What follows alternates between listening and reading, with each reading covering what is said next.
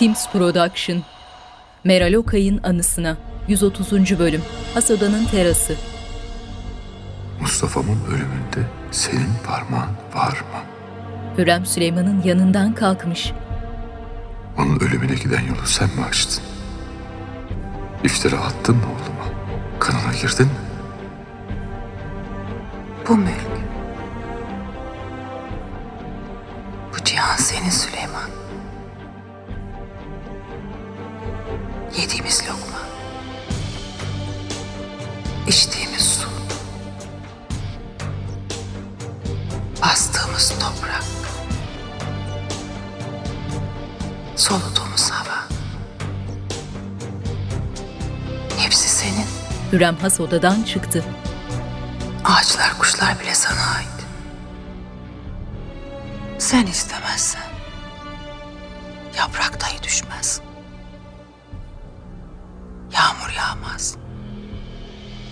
Rüzgar esmez. Kalp atmaz. Durur. Terastaki konuşmalarına dönüş. Ya ben? Ben kimim Süleyman? Ben senin gölgenim. Yeryüzündeki gölgen benim. Sen neylersen ben ona eylerim. Şimdiki an Süleyman ellerini arkasında bağlamış, terasa çıkan kapıya gelip durdu ve düşünceli ifadesiyle tahtını seyre koyuldu.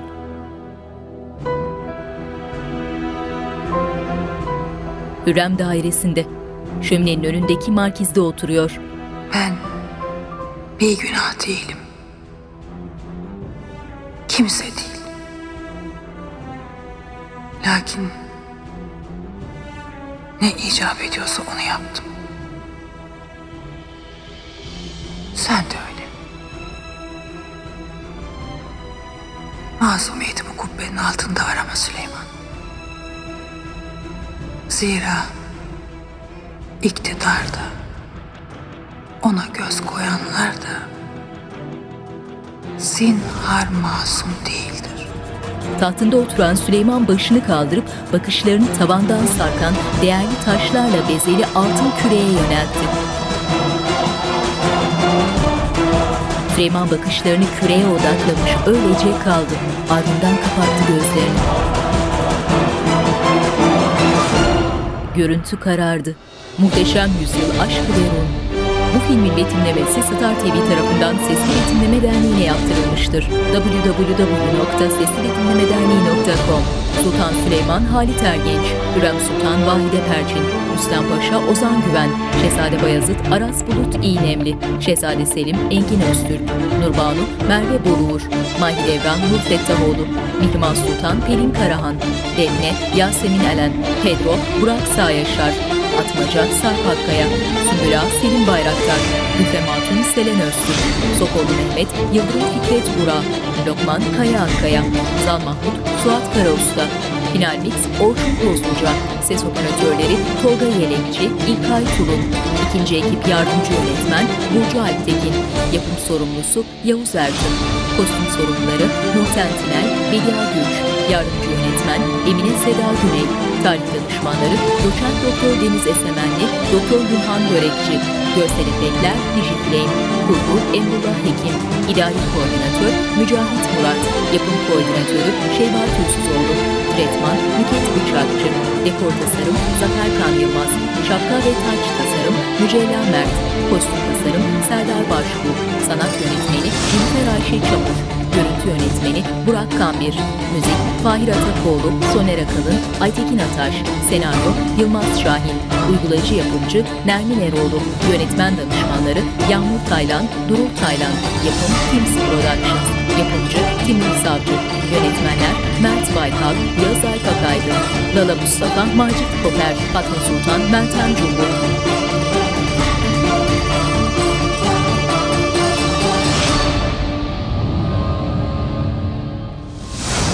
Muhteşem Yüzyıl Aşkı Derun Gece Vakti Manisa Ama Köpüklü suyla dolu küvetin başındaki Dilşah, kim dolu acımasız ifadesiyle ellerini Nurbanu'nun başına bastırmış, boğuyor. Dilşah kapı sesiyle irkilerek ellerini çekip doğruldu. Nurbanu küvetin kenarlarına tutunarak soluk soluğa başını sudan çıkardı. Sultanım! Dilşah öfkeyle Nurbanu'yu tutup başını suya gömdü gene. Canfeda kapıyı zorluyor. Sultanım! Selim odasında bir ağanın doldurduğu şarabını yudumladı. Gel. Şehzadem, Nurbanu Sultanımızla Dilşah Hatun münakaşa etmişler. Hadise büyüyecek gibi. Görüntüde Nurbanu'nun çırpınışları.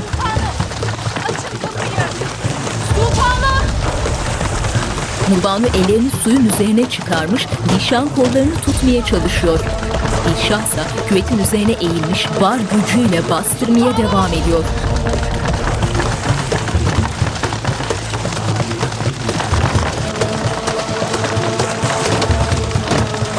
Kapıyı kırarak içeri dalan Gazanfer tüllerle çevrili küvetin yanına koştu ve Dilşah'a arkasından yaklaşıp omuzlarından tutarak savurdu.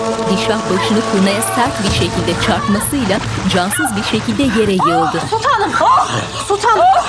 Sultanım! Sultanım! Sultanım! Gazanfer çık çabuk. Seni burada görmesinler çık. Tamam geçti. Dışarı koştu. Ne bekliyorsun? Çabuk çabuk! Çabuk sultanın yanına çabuk! Cariyeler telaşla hamama girdiler. Gazanfer. Senin ne işin var burada? Ha? Sen nasıl girersin hamama? Bağışlayın şehzadem. Lakin mecbur kaldım. Sultanımıza saldırıyorlardı onu korumak için. Selim gitti. Sultanın hamamına girmek ne demek aa? Götürün şunu. Selim bir an Dilşah'a bakıp Nurbanu'ya yöneldi. Yanına çöküp başını ellerinin arasına aldı. Ne oldu sana böyle? Ha? İyi misin? Şehzadem. Rabbim sana evlatlarıma bağışladı çok şükür. Dilşah'ın üzerine beyaz bir çarşaf örttüler. Hekim kadın çağır hemen. Can feda ne oldu burada? İzahat ver. Vallahi ben geldiğimde kapılar kilitliydi şehzadem. İçeri bir girdik ki Dilşah saldırmış sultanımızı boğuyordu. Allah'tan tam zamanında yetiştik. Nurbanu'yu bağrına basıp başını öptü. Lala Mustafa'nın Manisa'daki varlığı mühim. Böylelikle Selim'in attığı her adımı takip edebileceğiz. Şehzade Selim dikkatli olacaklardır. İlaveten Lala Mustafa'ya ne kadar itimat edebiliriz bilmiyorum. Lala benden habersiz işler yapsa da her daim iyiliğimi düşünmüştür. Sadakatinden şüphem yok. Elbette. Lakin Hürrem Sultan'a da sadakatle bağlı olduğunu biliyoruz. Mühim haberleri evvela ona bildirecektir. Validem de evlatlarını korumak için susacak, göz yumacak. Bunu mu dersin? Evet, Doğru. En azından Selim'i kısıtlamış olduk. Seninle yarın tebdil halde çıkalım. Kullarımın hali nicedir bir öğrenelim. İyi düşündünüz şehzadem. Zira şikayetler artmış. Yokluğunuzda birçok şey ihmal edilmiş. Hala. Lokman ağa. Lokman ellerini önünde bağlamış, başı önde huzura girdi. Şehzadem, evlatlarım nasıl? Uyumadılarsa bir görmek isterim. Şehzadelerimiz uyudular. Lakin kızınız Ayşe Sultanımız biraz rahatsızlar. Henüz uyumadılar. Bayezid hızlı adımlarla kapıya yöneldi. Nurbanu giyinmiş dairesinde Selim'le oturuyor. Nasıl oldun? Daha iyisin değil mi? Bugün kurtuldum çok şükür. Lakin yarın ne olacağı bilinmez. Yine saldıracaklardır. Kim ne diye saldırsın sana Nurbanu? Dilşah denen gafil zaten ölmüş. Ölmeseydi de bizzat ben alırdım canını. İşah bir zavallı. Beni öldürmeye cüret edemez. Fahriye'ye baktı. Tabii eğer birileri ona cesaret vermezse. Zannetmem sultanım. Dilşah Hatun belli ki geçen gece olan hadisenin tesirinde. Ne oldu ki? Dilşah Hatun'u size takdim etmek üzere dairenize getiriyordum. Ancak Nurbanu Sultan mani oldular bana. Hatun'u kovdular. Zannediyorum kendince intikam almak istedi gafil. Selim sinirlendi. Doğru mu bu? Bu hatun senin gözden değil. O yüzden mani olmuştum. Hem zaten hadiseyle de bir alakası yok. Öyle değil mi Fahriye? Bu emri sen verdin. Beni öldürmesini sen istedin ondan. Haşa sultanım. Benim ne haddime? Mahsus Can Feda'yı yanına çağırdın. Beni yalnız bıraktın. Sonra da Dilşat'ına o köpeği saldın üzerime. Şehzadem. Zannediyorum sultanımız hala hadisenin tesiri altında. Ben zinhar böyle bir şey yapmadım. Yapmam. Can Feda'yı ne demeye çağırdın yanına? Bir an evvel haremdeki nizamı sağlamak için defterleri tetkik etmek istedim. Başka hiçbir amacım yoktu. Yalan söyle, inanma sakın. Sultanım, Dilşah Hatun'la aranızdaki husumet herkesin malumu. Hatun aklını yitirmiş besbelli. Hem benim sizinle ne gibi bir hesabım olabilir? Ne diye canınıza kast edeyim? Hürrem Sultan öyle istiyor çünkü. Kendine gel Nurbanu. Bu ne cüret? Validemi nasıl itham edersin? Şehzadem, Bu kadar kafi. Dairene dön, uyu dinlen. Nurbanu öfkeyle ayaklandı. Uyku yok bu sarayda bana. Huzur da yok. Nurbanu diz kırıp selam vererek kapıya yöneldi. Odadan çıkmasıyla Selim ayağa kalkıp ellerini arkasında bağlayarak sert bakışlarıyla Fahriye'nin karşısına dikildi. Fahriye Hatun. Validem seni buraya neden gönderdi biliyorum. Sen onun gözüsün, kulağısın. Buna itiraz etmedim. Zira valideme ve ona sadık herkese itimadım tam. Lakin ben haremimde huzur isterim. Benim huzurumsa Nurbanu. O benim kıymetlim. Bu yüzden onu sana emanet ediyorum. Onu canın pahasına koruyacaksın. Tırnağına taş değse senden bilirim. Ona göre. Emredersiniz şehzadem. Selim Fahriye'nin gözlerine bakarak hafifçe başını salladı. Şehzadem, Gazanfer Ağa'yı ne yapalım? Malumunuz üzere sultan hamamına girmek büyük suç. Büyük bir yatakta yan yana uyuyan Orhan ve Osman'a odaklanmış görüntü, kucağında dört yaşlarındaki Ayşe ile girişteki koltukta oturan Defne'ye yöneldi. İçeri giren Bayezid, Defne'ye kalkma diye işaret edip yanına oturdu. Ayşem. Derin uykusundaki kızına yaklaşıp kolunu tutarak şöyle bir baktı. Nesi var? Hasta mı yoksa? Nicedir ağlıyordu geceleri şehzadem. Vallahi kimse susturamadı. Lakin Defne Hatun'un maşallahı var. Kucağına aldığı gibi uyuttu. Annesini özlemiş belli ki şehzadem. Çok zor annesiz büyümek. Hele ki bu yaşta. Bayezid üzgün. Daha çok küçük. Gülşen Kalfa. Evlatlarım sana emanet. Biraz Ayşem. Bir an olsun yanından ayrılmayın. Emredersiniz şehzadem. Bayezid kızına bir daha yaklaşıp ayaklanarak kapıya yöneldi. Gülşah ellerini önünde bağlamış, başı önde diz kırıp selam verdi. Defne ise oturduğu yerde saygıyla başını eğdi. Bayezid ağların açtığı kapıdan odasına girdi ve arkasında bağladığı ellerini çözüp sıkıntıyla yüzünü ovuşturarak rahlesine yöneldi. Ardından yüzüklerini çıkarmaya koyuldu.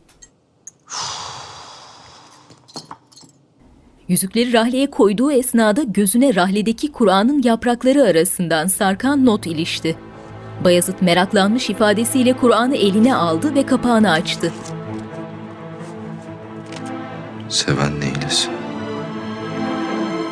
Şaşkın halde doğrulttu başını. Bayezid rahlesinin başına geçmiş, kalemini hokkaya batıra batıra bir şey yazıyor. Rahle yanan birkaç mum, kitaplar, dürülmüş dosyalar ve mektuplarla dolu.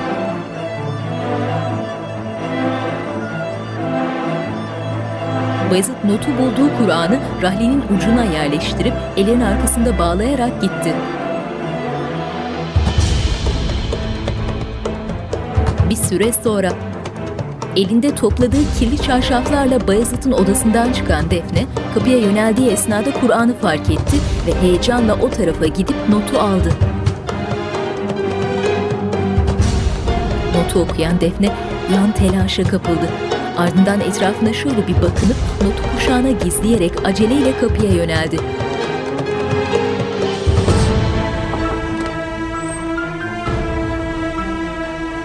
Defne elinde çarşaflarla koridorda ilerliyor. Gülşen Kalfa. Sen git ben de geliyorum hemen. Hayrola Defne Hatun? Yüzünün hali ne böyle? Seven neylesin yazmıştım notumda. Şehzade bana cevap olarak sevdiğini söylesin yazmış. Bütün yardımların için çok sağ ol. İki altın verdi. Vazifemiz bu. Akıllı usta hatunlara elbet yardım edeceğiz. Şimdi ne yapayım? Şehzademiz gelir gelmez konuşayım mı yoksa... Dur hele dur. Acele işe şeytan karışır derler. Hem birazcık naz edeceksin ki kıymetin olsun. Gündüz vakti kız kulesi ve sahil. Mihrimah yeni uyanmış. Üzerinde derin V yaka bir gecelikle yatağında oturmuş gerdanına bakıp kaşıyordu. Bir an telaşla yataktan kalkıp aynaya koştu. Mihrimah'ın vücudunda koca koca yaralar çıkmış. Rüstem. Rüstem uyan. Göğsündeki yaraları gösteriyor. Mihrimah. Bunlar ne? Bilmiyorum. Acıyor mu? Kaşınıyor. Dur. Hatunlar! İki cariye odaya girdi. Derhal hekim kadına haber verin. Bakmayın öyle. Çekildiler. Mihrimah dur. Fahriye Hatun. Manisa'ya gidince yeri boş kaldı malum. Enderon'da olduğu gibi haremde de devamlılık esastır Elinde hünkârım, öyle tepsiyle değil bir mi? cariye terasa geldi. Senin aklında biri vardır elbet. Melek hünkârım. Epeydir benimle birlikte. Bugüne dek hiçbir şikayetim olmadı. Tek bir yanlışını bile görmedim. Tecrübeli, zeki, saray adabına hakim. İtimadım tam. Baş haznedarlık gibi ağır bir yükün altından pekala kalkabilir. Cariye şerbetleri bırakıp çekildi. Hürrem ardında sümbül ve cariyeleriyle koridorda.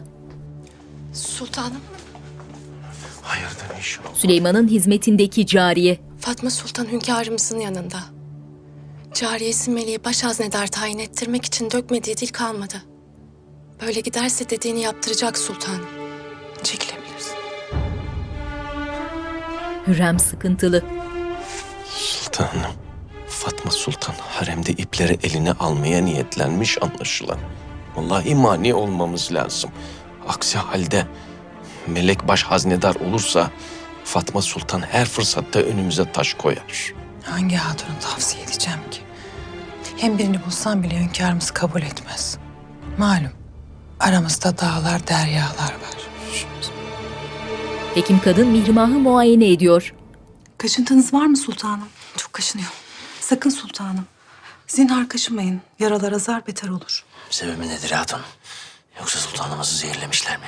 Zannetmem paşa hazretleri. Hiç böyle bir zehirlenme görmedim. Nedir sebebi söylesene. Bu illetin sebebi ne? Tetkik edeceğim. İnşallah derdinde devasını da bulacağız. Derhal ne gerekiyorsa yapın. Emredersiniz paşam.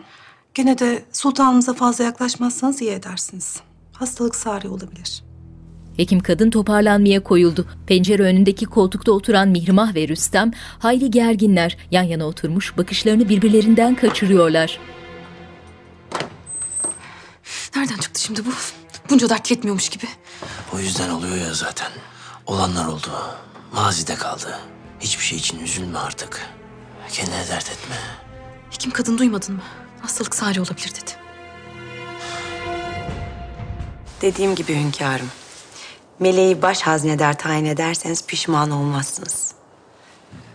Ortalıkta onun kadar tecrübeli başka biri de yok zaten. Hünkârım, Sümbül Ağa geldiler. Gelsin. Sümbül ellerini iki yana açmış halde Süleyman'a yöneldi. Gelsin. Hünkârım, Bir şey mi oldu? hünkârım beni Hürrem Sultanımız gönderdiler. Kendileri Harem-i Humayun'un baş haznedarını seçtiler. Tabii eğer siz de münasip görürseniz. Seçti demek. Kimi münasip görmüş? Hünkârım, sultanımız bu vazifeye Gülfem Hatun'u tayin etmek istediler. Süleyman memnun ifadesiyle başını çevirip Fatma'ya baktı. Fatma has odadan hızlı adımlarla çıktı. Hürrem'in aklına gelen şeytanın aklına gelmez. Şimdi de Gülfem'den mi medet umuyor? Vallahi orasını ben bilmem sultanım. Zannedersem böylesi daha hayırlı olacak. Ne hayrından bahsediyorsun hala sen? O zalime yıllardır kölelik ediyorsun. Cehennem ateşinde yanacaksın haberin yok. Sümbül bir şeyler mırıldanıyor. Tamam. Hürrem yanlarına geldi. Sultanım. Hin bakışlarıyla Fatma'nın arkasında durup diz kırarak selam verdi. Sümbül'e dik dik bakan Fatma dönüp öfke dolu bakışlarını Hürrem ve yanında duran Gülfem'e yöneltti. Merak etmişsindir. Hünkârımız kimi seçti diye merak etmişsindir. Ben söyleyeyim. İstediğin oldu. Gülfem baş haznedar. Neden bu kadar rahatsız olduğunuzu anlamadım. Gülfem'i çok sevdiğinizi sanıyordum. Gülfem Hatun, vazifen hayırlara vesile olsun. Hayrola Gülfem? Onca yıl sonra sen de mi Hürrem'e teslim oldun? Ne vaat etti sana? Yahut neyle tehdit etti? Sultanım, benim bu vakitten sonra kimseden ne korkum ne menfaatim olur. Hürrem Sultan teklif etti, ben de kabul ettim. Zira hünkârımızın arzusu da buymuş. Öyle. Ne vakittir söylüyordu. Kısmet bugüneymiş. Kimi kandırdığını sanıyorsun sen Hürrem? Hünkârımız seferden döndüğünden beri yüzüne baktığı bile yok. Senin o yere göğe sığdıramadığın aşk bitti. Haremi idare etsen ne ki? Bitmiş aşk görmek istiyorsanız rahmetli zevciniz Ahmet Paşa'nın mezarını ziyaret edin. Eminim rahmetlinin aşk yaşamak varken ihtiraslarınıza kurban gittiği için kemikleri sızlıyor. Fatma gergin ifadesiyle sus pus kaldı. İmarethanemin vaziyeti fena. Fakire fukaraya yardım değil işkence ediliyor sanki. Ben Raya'nın sevgisine, muhabbetine mazhar olmak için elimden geleni yaparken Kütahya ailesi kim bilir neler düşünüyor hakkımda. Nedir bu meselenin aslı astarı Lokman ağa? Defterlere baktım şehzadem. Tahsisatınızın büyük kısmı tamirini emrettiğiniz Sultan Bayezid Camii'nin ve sakhanesinin masrafları için ayrılmış. İmarethanenin giderlerine para kalmamış. Bayezid elindeki deri kaplı büyük defteri açıp şöyle bir kontrol etti. Ne olursa olsun. Raya açken ben tok yatamam. Huzur bulamam. Derhal borç alalım. Şehzadem, borç almak yerine vaziyeti payitahta yazsak. Lüzum yok. Kira kadınlardan birine haber verin. İhtiyacımız olan parayı versin. Vakit kaybetmeden müdahale etmek en doğrusu Lokman'a. Tahsisat gelince icap eden para mahsup edilir. Borcu vadesinde ödeyemezsek sıkıntı yaşarız. Vadesinde ödeyeceğiz Lokman. Sen orasını dert etme. Lokman başıyla onayladı. Nurbanu odasında pencere önündeki koltukta oturmuş Can Feda'ya omzunu ovduruyor. Gel. Sultanım, beni görmek istemişsiniz. Şehzadem yalanlarına inanmış olabilir. Ancak ben hakikati biliyorum. Buraya ne maksatla geldiğim belli. Beni öldürmek için. Daha evvel de söylediğim gibi hadisenin benimle bir alakası yok. Eminim öyledir. Demek Hürrem Sultan beni gözden çıkardı. Hurcan Sultan'dan sonra belliydi zaten. Doğrusu iyi iş çıkardım. Gazanfer Ağa olmasaydı çoktan ölmüştüm. Madem böyle düşünüyorsunuz, sizi koruyacak yeni bir ağ bulsanız iyi edersiniz. Zira Gazanfer Ağa şehzademizin yanında. Muhtemelen saraydan kovulacak. Nurbanu yerinden kalkıp tehditkar bakışlarıyla Fahriye'nin karşısına dikildi. Hürrem Sultanımıza haber gönder. Madem ki savaşmak istiyor,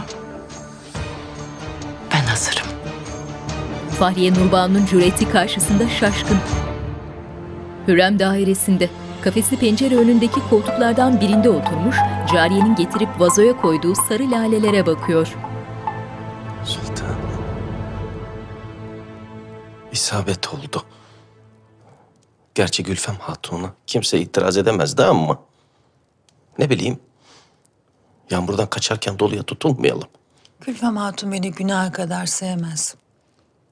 Lakin adaletli ve makul bir hatundur. Ondan bir zarar gelmez bize. Gerçi melek denen uğursuzun olmasından yeğedir. Gel.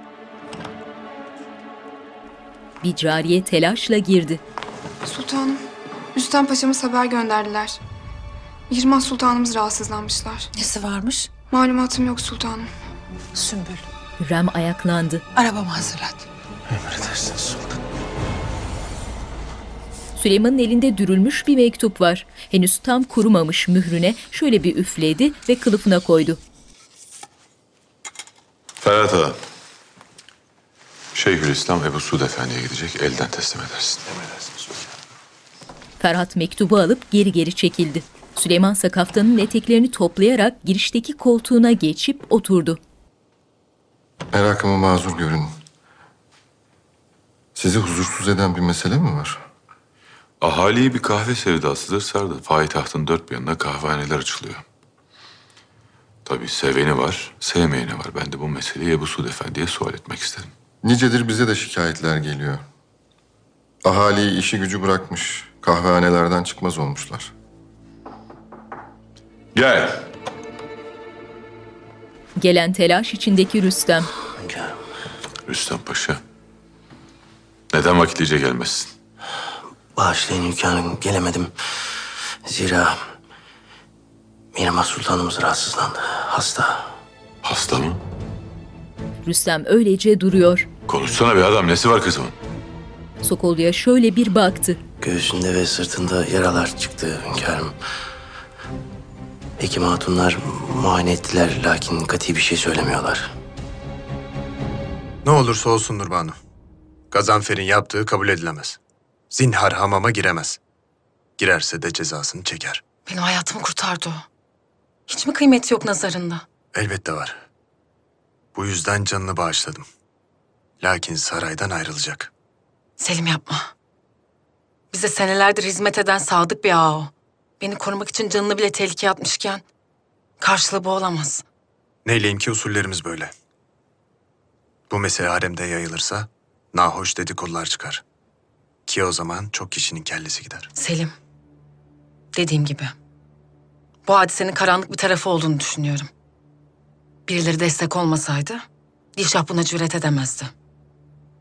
Onlara kurban vererek sevindirmeyelim. Nurbanu, Dişah'la senelerdir neler yaşadığını ben biliyorum. Arkasında bir şey arama. Şayet varsa da korkma. Tedbirleri arttırdım. En iyi şekilde korunacaksın. Kim koruyacak beni? Fahriye mi? Hiç değilse onu gönder. O vakit rahat ederim. Validemle iyi geçinmemi söyleyen sendin. Fahriye onun en sadık hizmetkarı. Onu gönderirsen validen bundan hiç hoşlanmayacaktır. Belki de tam yapman gereken budur. Zira unutma. Hürrem Sultan bir tercih yaptı. Ve Şehzade Bayezid'i seçti. Çekilebilirsin. Nurbanu selam verip kapıya yönelirken Selim hayli gergin ifadesiyle öylece duruyor. Nurbanu koridorda bekleyen Can Feda'nın yanına geldi. Eğer bir şey yapmazsam Gazanfer saraydan atacak. Ama böylesi daha iyi sultanım. Başınıza ne işler açtığını düşünüyorum da. Bu hadise bile onun yüzünden. Öyle diyorsun da. Ondan daha sadık bir ağayı nereden bulurum? Gördün işte onun sayesinde nefes alabiliyorum. Böyle olmayacak. Oturup ölümü bekleyemem. Ne yapmayı düşünüyorsunuz?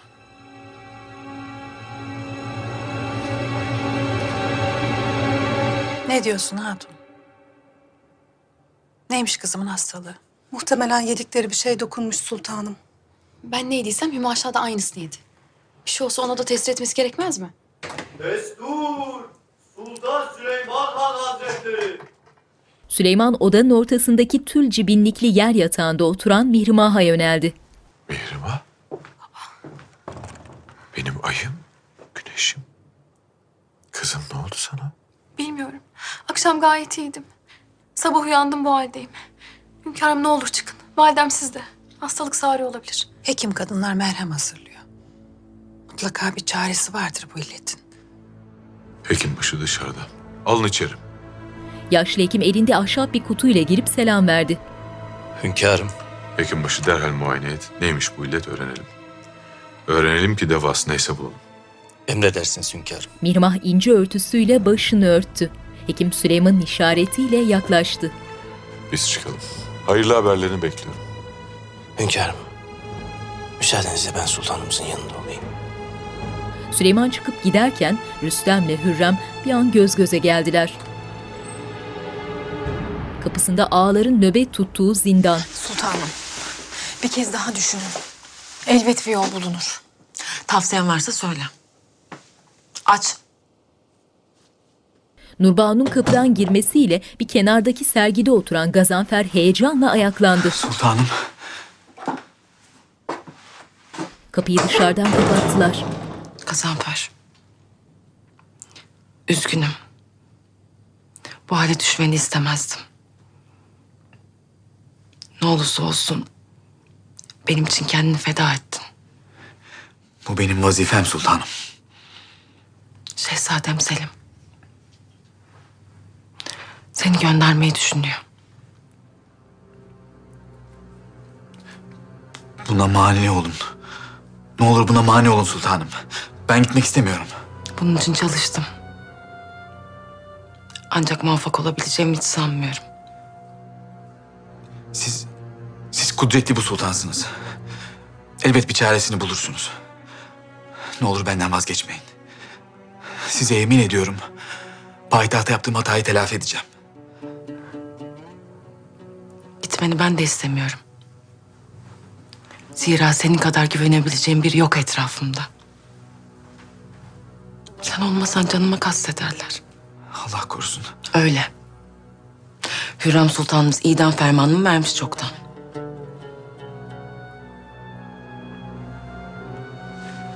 Nurbanu Gazanfer'in gözlerine bakarak iyice yaklaştı. Keşke burada hep benimle olsan. Her daim yanımda.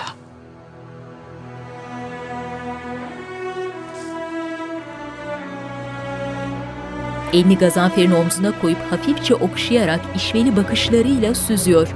Gazanfer ise öylece kalmış, büyülenmiş gibi Nurbanu'nun gözlerine bakıyor. En yakınımda olabilsen. Nurbanu elini çekip bir iki adım geri çekildi. Gerçi bunun bir yolu var. Ama bunu sana teklif dahi edemem. Olmaz. Emredin sultanım. Sizin için canımı dahi vermeye hazırım. Gazanfer. Burada benimle kalmak istiyorsan eğer...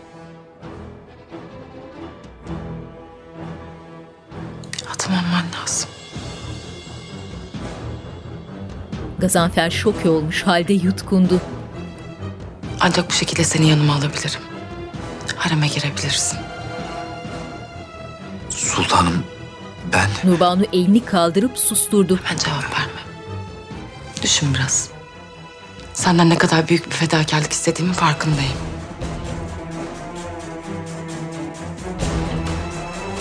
Nurbanu usul usul yaklaştı ve ellerini Gazanfer'in önünde bağladığı ellerine koydu.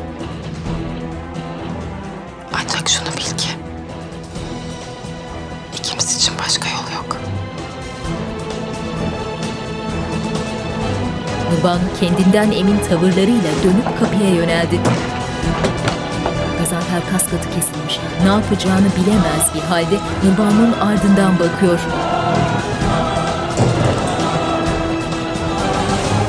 Hekim Mihrimah'ın önüne çöküp tülü aralamış, dokunmadan yaralarını inceliyor. Rüstem sıkıntılı halde başlarında. Bu kadar kafi. Rüstem tülü kapattı. Teşhisin ne onu söyle. Evvela hekim kadınlarla konuşmam lazım paşam. Zira sultanımızın vücudundaki izlere tam vakıf olamadım. O vakit gel benimle. Rüstem Paşa. Böyle bir vaziyette kıskançlık olmaz. Allah muhafaza. Hastalık bu. Hekimler bakmadan nasıl iyi etsinler? Hekim hatunlar da bir hayli tecrübeli sultanım. Yürü.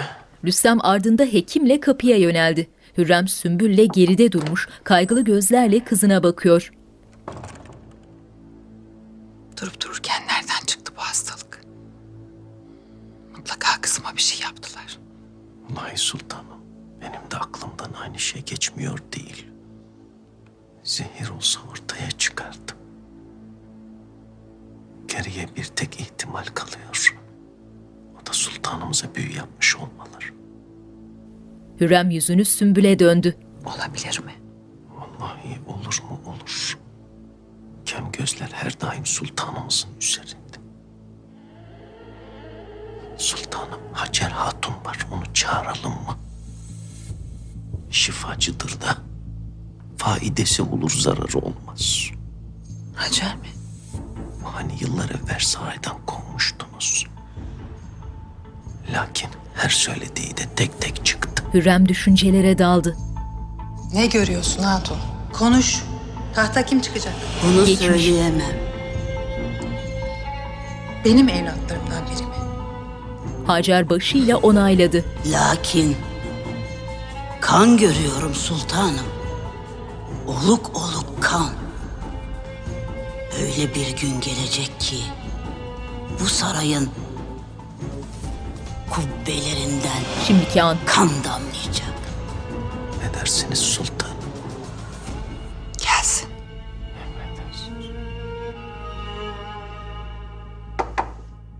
Gel.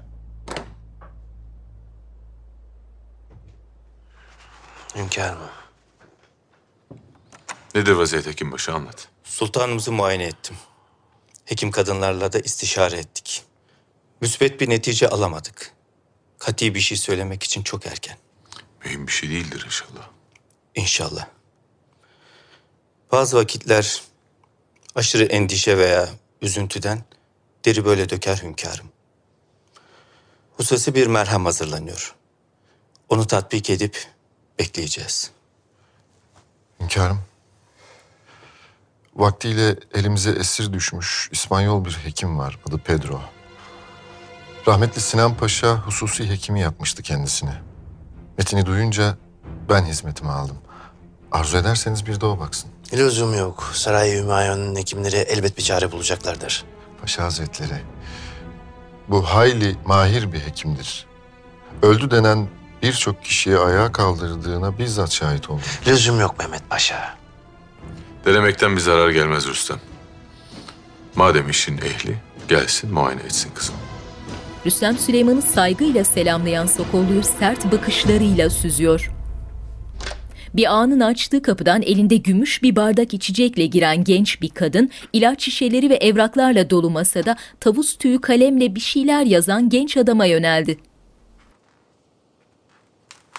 Sinyor Pedro, biz hatunlar çok merak ediyoruz. Siz bütün gün burada ne yazıyorsunuz? Seni. Beni mi? Evet seni. Güzelliğini nakşediyorum.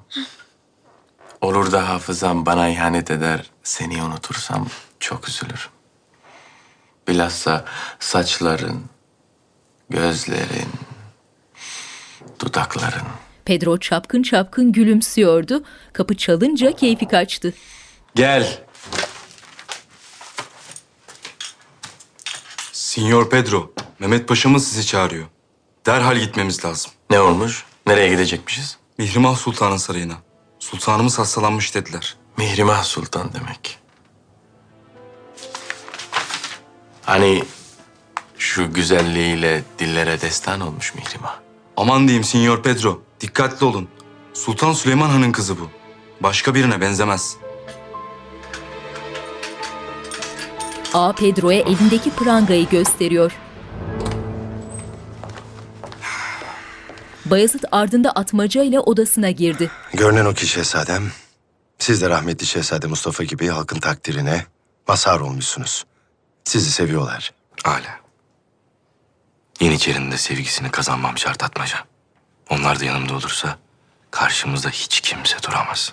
Haklısınız. Lakin unutmayın, Yeniçerinin ve ahalinin sevgisi kafi değil. Öyle olsaydı, abiniz şu an hayatta olurdu. Bunu çok düşündüm biliyor musun Atmaca? O gün o çadıra girer miydim diye defalarca sual ettim kendime. Hayır, girmezdim. Lakin hangi evlat babasına güvendiği için itham edilir ki? Bir aslan sahip oldukları için savaşıyorsa, karşısındakinin kim olduğuna bakmaz. Oğlu bile olsa onun düşmanıdır.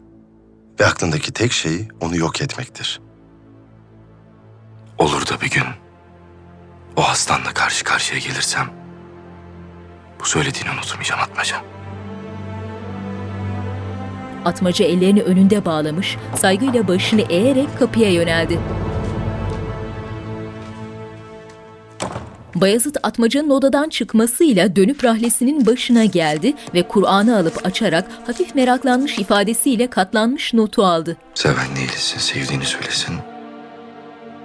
Korkuyorsa neylesin. Bayezid gülümseyerek notu yerine koyup Kur'an'ı rahleye bıraktı. Kapı dışarıdan açıldı. Kızını kucağına aldı. Geride duran Defne rahleye şöyle bir baktı. Bağışlayın şehzadem. Ayşe Sultan sizi görmek istedi. Ben mani olamadım. Hala sen çekilebilirsin. Defne mütebessim ifadesiyle diz kırıp selam vererek kapıya yöneldi. Benim ay yüzü sultanım. Özledin mi beni? Çok da özledim. Annemi de özledim. Ayşe mahzunlaşarak dudaklarını büktü. Bayezid çaresiz yüzünde derin bir kederle kızını bağrına bastı. Ayağında prangalarla yürüyen Pedro görüntüde. Ardında muhafızlar önünde Sokollu'yla büyük kapısında iki ağanın beklediği Mirmah'ın sarayına doğru ilerliyor. Sokollu kapının 10 metre kadar gerisinde durup yüzünü Pedro'ya döndü. Mihrimah Sultanımızı iyileştirmeyi başarırsan... ...hünkârımız ve Hürrem Sultanımız seni ihya ederler. Elimden geleni yaparım paşam. Ama bir isteğim var. Beni azat edeceksiniz. Sen sultanımızı bu illetten kurtar. Sonra düşünürüz. Hadi yürü şimdi. Paşam. Sokollu gidiyordu, durup döndü. Pedro lakayt tavırlarıyla Sokollu'ya ayağındaki prangayı göstererek gülümsedi. Takdir edersiniz ki bunlarla yürümek çok zor.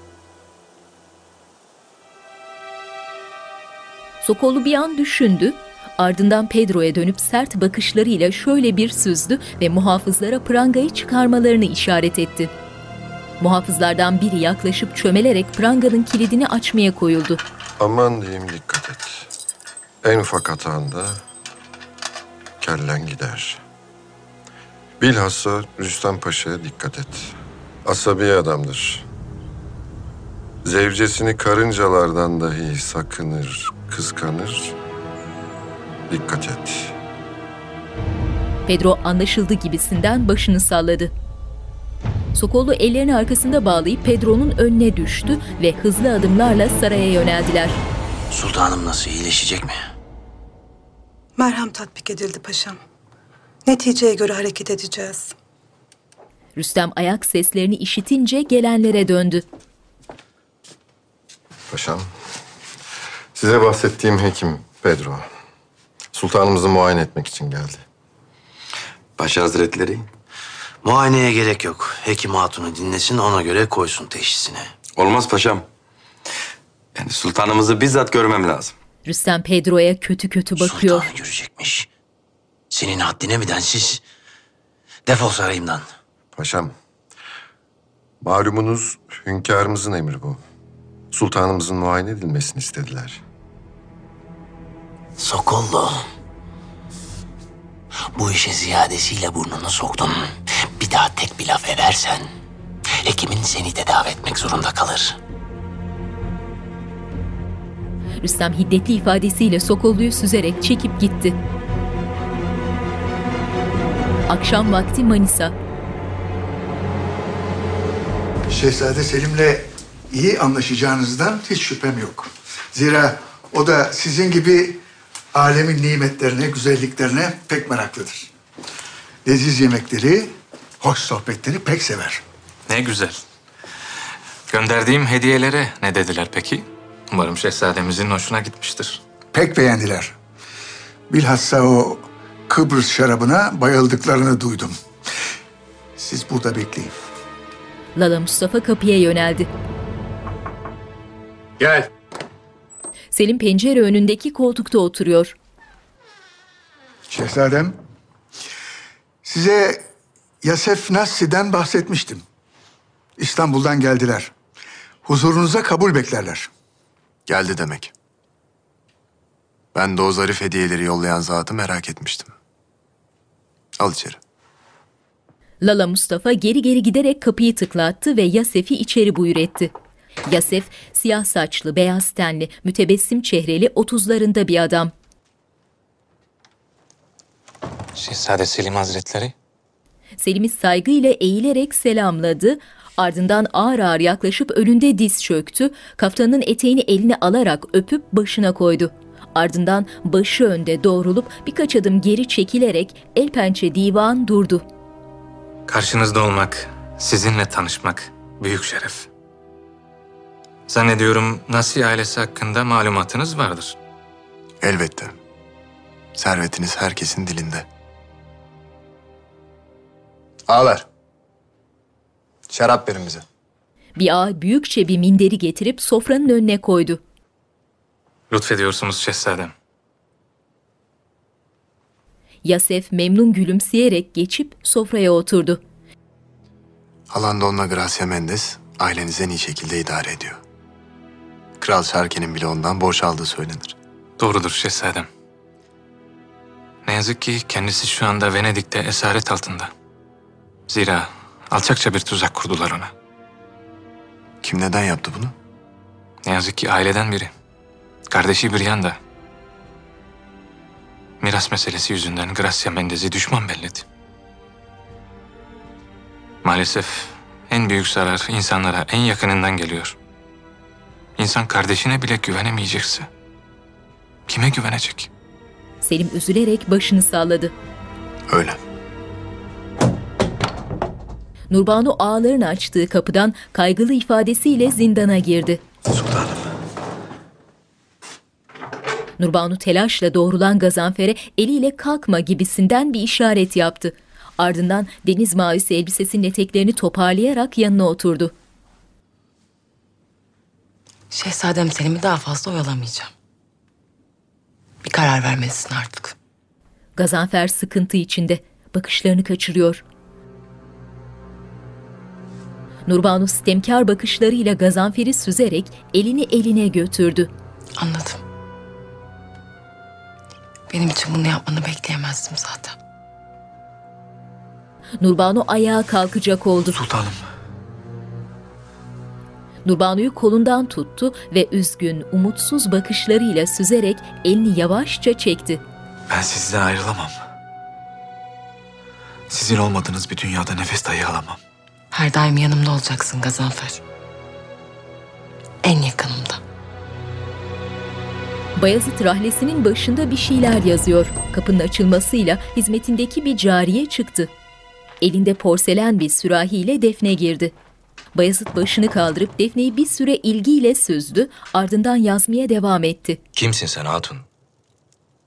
Defne sürahiyi donatılmış sofraya bırakıp tedirgin halde doğruldu. Şehzadem. Ben ne demek istediğinizi anlamadım. Bayezid yerinden kalkıp Defne'ye yöneldi. Defne korku dolu bakışlarını kaçırıyor. Seven neylesin diye sual ettin. Ben sana sevdiğini söylesin dedim.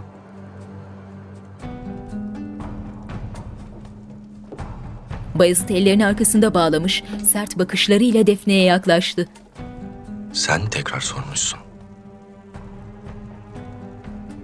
Korkuyorsa neylesin? Haddimi aştığım için bağışlayın. Bayezid yüzünde beliren hafif tebessümle elini Defne'nin çenesine götürüp başını doğrulttu. Buna cevap yazmadım. Bizzat söylemek istedim.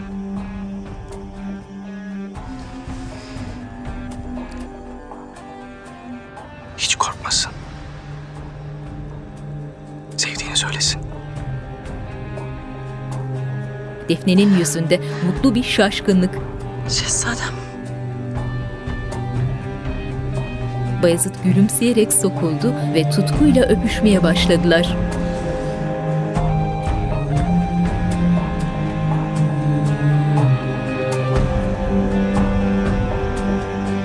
Defne üzerinde krem rengi kalın askılı iç elbisesiyle yatağa sırt üstü uzandı. Ardından Bayazıt yarı çıplak halde Defne'nin üzerine yattı ve ateşli bir şekilde sevişmeye başladılar.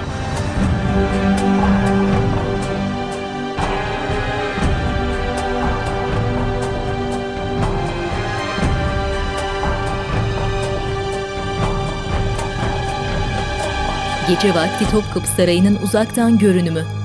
Ne diyor hekimler? Hepsi ayrı şeyler söylüyorlar hünkârım. Kesin bir teşhis koyamadılar.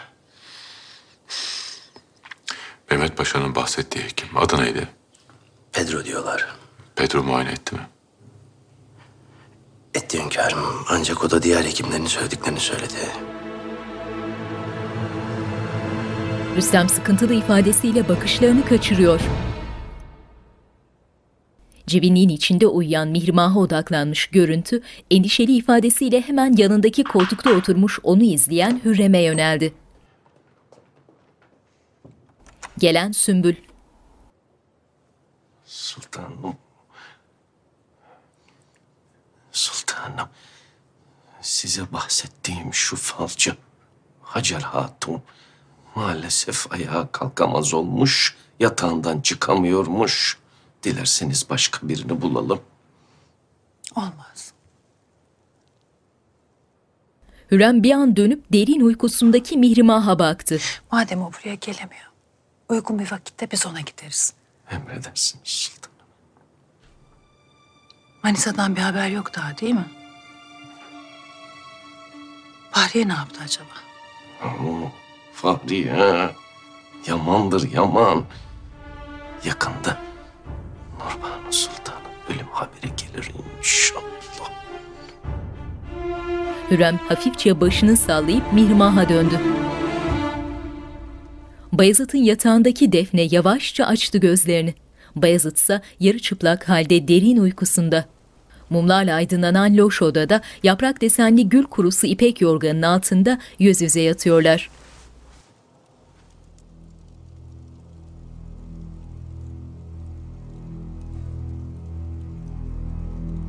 Defne tedirgin bakışlarıyla uzun uzun süzdü Beyazıt'ı, ardından etrafa göz gezdirip usulca doğruldu ve iç elbisesiyle kalktı yataktan. Defne adım başı Bayazıt'a dönüp bakarak ağır adımlarla Rahle'ye yöneldi.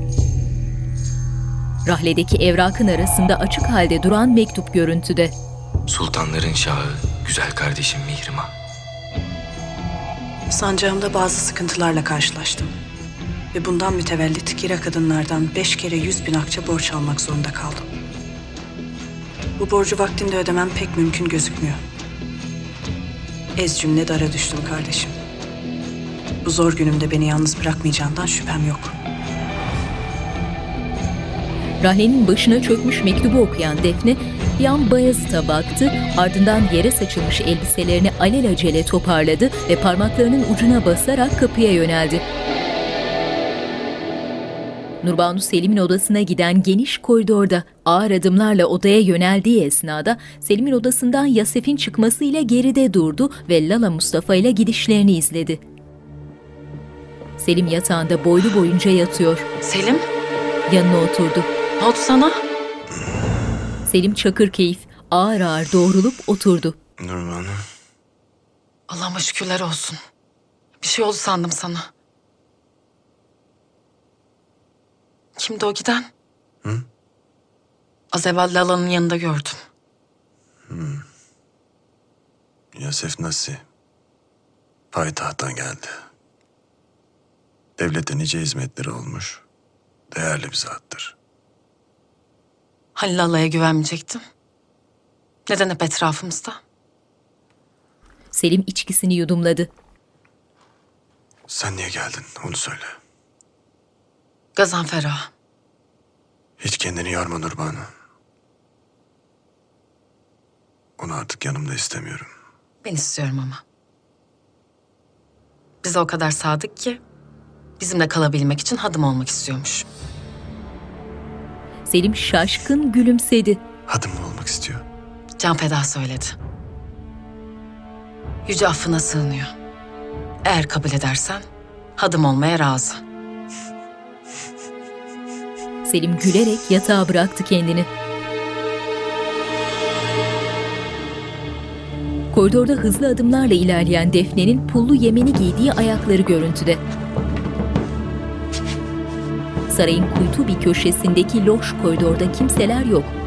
Defne etrafı kolaçan ederek pencere önündeki ahşap kaplamaya yöneldi ve çömelerek yerdeki küçük gizli bölmenin kapağını çıkarıp açtı. Ardından elindeki dürülmüş notu bölmeye koyup alelacele kapağı yuvasına yerleştirdi.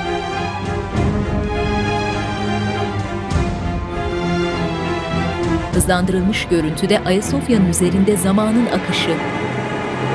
Mehtaplı gecede Kız Kulesi. Gündüz vakti Mihrimah'ın sarayının dışarıdan görünümü.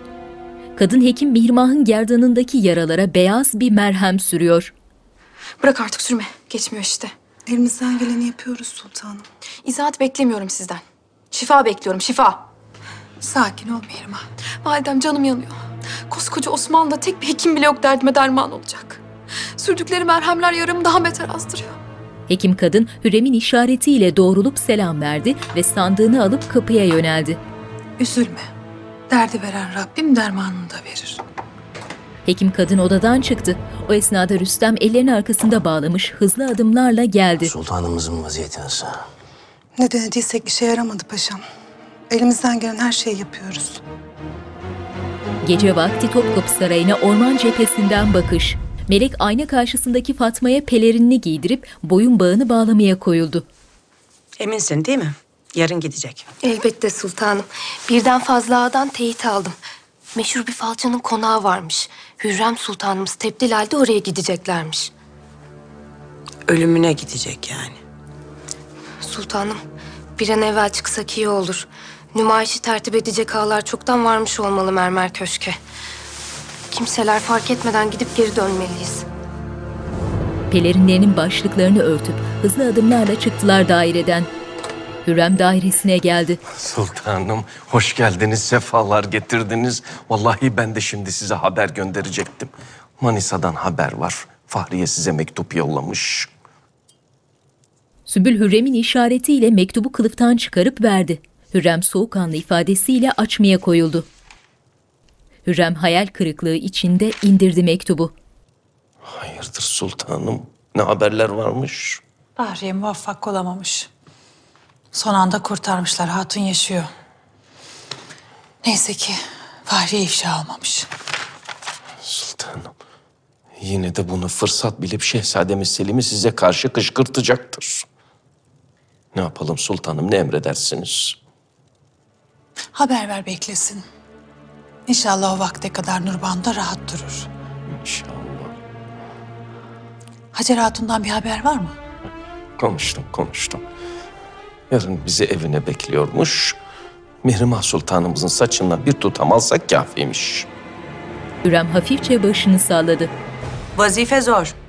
Lakin imkansız değil. Şehzade Mustafa'nın katli hala insanların gönlünde sızlayan bir yara. Ahalinin Hürrem'e olan nefreti baki. Siz sadece fitil ateşleyeceksiniz. Gerisi kendiliğinden gelecek. Merak etmeyin sultan. Sizi sükutu hayale uğratmayacağız. Geride duran melek Fatma'nın işaretiyle yaklaşıp paravanın ardındaki adama büyük bir kese verdi. Müjdeyi getirin, size bunun yüz mislini vereyim. Adam memnun gülümsedi. Gündüz vakti Kız Kulesi ve boğazda süzülen gemiler. İkişer katlı ahşap evlerin bulunduğu mütevazi sokakta hareketlilik. Evlerden birinin çevresinde nöbet bekleyen adamlar. İki atlının ardından sokağa giren Zal Mahmut, atından inip kaftanın önünü düzelterek koşar adım arkadan gelen arabaya yöneldi ve arabanın önünde bekleyen adama kapıyı açmasını işaret etti. Arabanın kapısında bekleyen Sümbül adamlara temkinli ifadesiyle bekleyin gibisinden jestler yaparak önden indi ve etrafı şöyle bir kolaçan edip basamakların önünde durdu.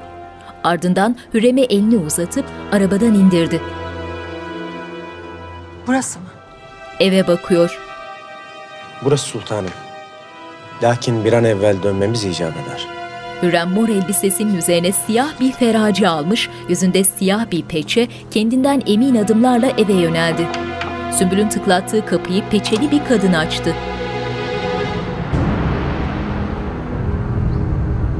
Sümbül Hürrem'in ardından eve girip Zal'a el etti. Sokağın diğer ucuna yönelen görüntüde kuytu bir köşeye gizlenmiş Fatma'nın görüştüğü adamlar. Hürrem'in eve girmesiyle biri aceleyle ayrıldı. Hacer'in evi. Hürrem ardında Sümbül ve yaşı hayli ilerlemiş iki büklüm yatağında oturan Hacer'e yöneldi. Sultanım, bağışlayın. Sizi böyle karşılamak istemezdim. Mühim değil Hatun. Geçmiş olsun. Sağ olun. Size de geçmiş olsun sultanım. İşittiğime göre Mihrimah Sultan hastaymış. Buyurun, oturun şöyle. Hürrem yatağın yanındaki tabureye oturdu. Çarşı. Afiyet olsun ağalar. Sağ olasın. Şehri İstanbul'daki en âlâ kahve bu dükkanda. Diğerleri hep düzmece.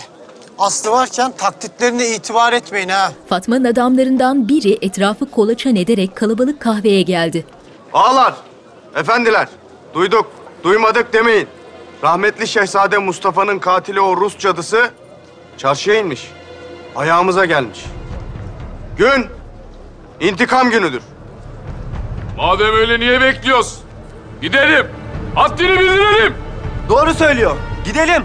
Rahmetli şehzademize kıyan o zalimden hesap soralım. Gidelim. Her neredeyse alalım o cadının kellesini. Şehzademiz için.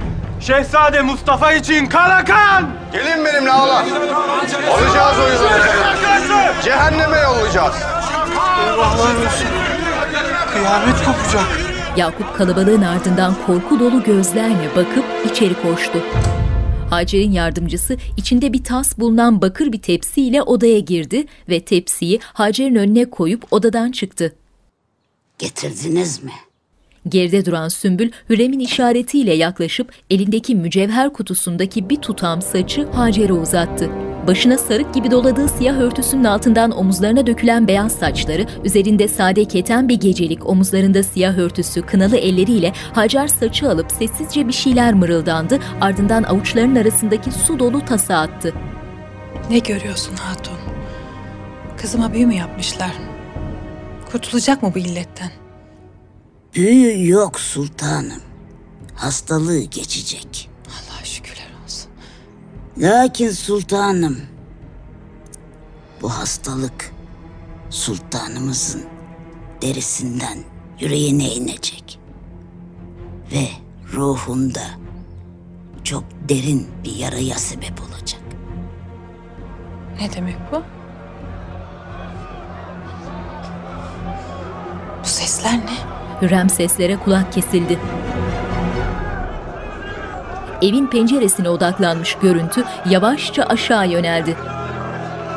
Evin önünde bekleyen Zal Mahmut ellerini arkasında bağlamış öylece durup sesleri dinledi, ardından yola çıktı ve sokağın diğer ucunda beliren kalabalığa şaşkın şaşkın bir süre baktı.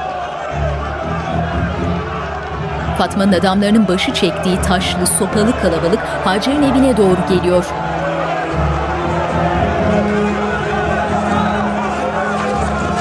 Derhal nizamanını ağalar. Ne pahasına olursa olsun sultanımızı koruyacaksınız. Yaklaşmayın ağalar. Yaklaşmayın. Yaklaşma. Sümbül ikinci katında bulundukları evin penceresine yönelerek tülü aralayıp dışarı baktı. Dışarıdaki kalabalık eve akın ediyor. Şaşkın halde öylece oturan Hürrem telaşla ayaklandı. Sümbül ön tarafa bakan pencereye yöneldi.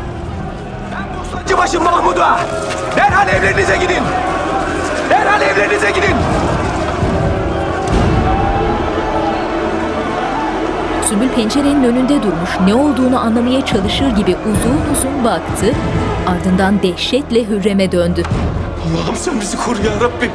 Bir sürü adam var. Ayaklanmışlar sultanım.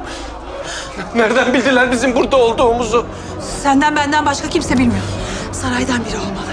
Yoksa benden mi şüphe ediyorsunuz sultanım? Hayır. Sultanım yapmayın. Hürrem pencereye yöneldi. Yaklaşma! Kanı yerde kalmayacak.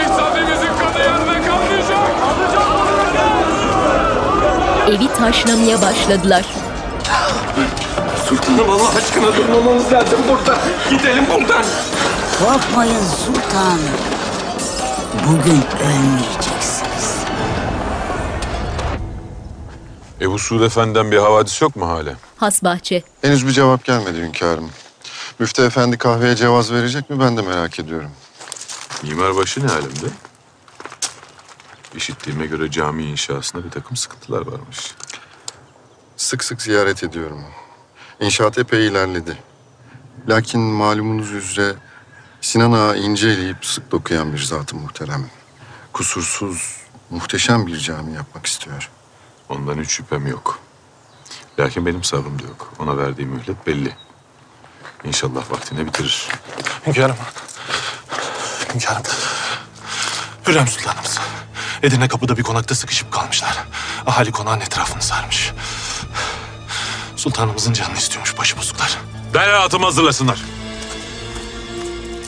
Süleyman hızlı adımlarla saraya yöneldi. Bu yaptığınız suçtur. Evi taşlamaya devam ediyorlar. Hepinizin kellesi gider. Allah aşkına. Başka ne biliyorsun Hatun? Söyle. İki şehzadeniz kaldı sultanım. Biri tahta çıktığında ötekini çoktan öldürmüş olacak. Mümkün değil. Olamaz. Olacak sultanım. Hakikat bu. Sultanım gidelim. Kimse kaderinden kaçamaz.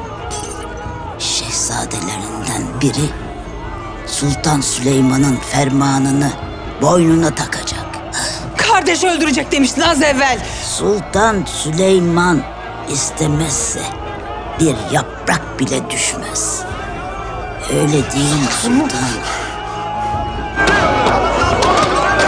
Sultan Mahmut evin kapısında durmuş, adamları ise kalabalığı zapt etmeye çalışıyor. Zal Mahmut kaftanın içine gizlediği iki hançeri çekip beklemeye koyuldu. Camlardan koca koca taşlar girdi. Kim? Ölecek Hatun söyle. Bunun cevabını siz zaten biliyorsunuz sultanım. Bu şehzadenin yüzü sizin yüreğinize ve ruhunuza kazıdı. Hürrem'in gözlerinden endişe okunuyor. Hürrem merdivenlerde.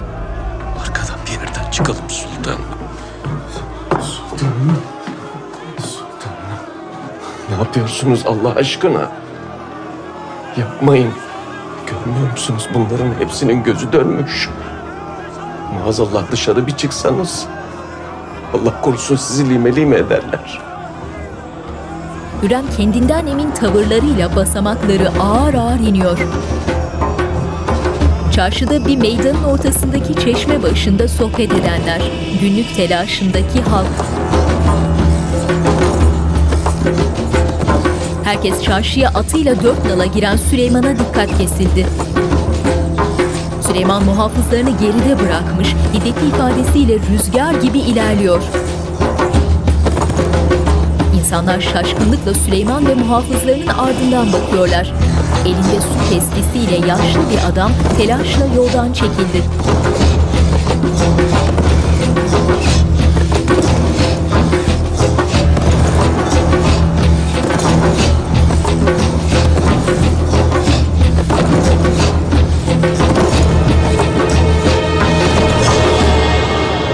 Kapıya dayanan öfkeli kalabalığı muhafızlar zapt etmekte zorlanıyorlar. Evin kapısının içeriden açılmasıyla bir an durakladılar. Ardından ellerindeki sopaları sallayarak bağırışmaya devam ettiler.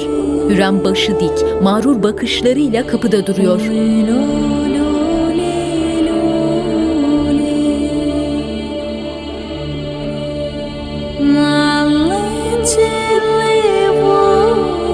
Hürrem'in kapıdan çıkmasıyla herkes şaşkın halde kala kaldı.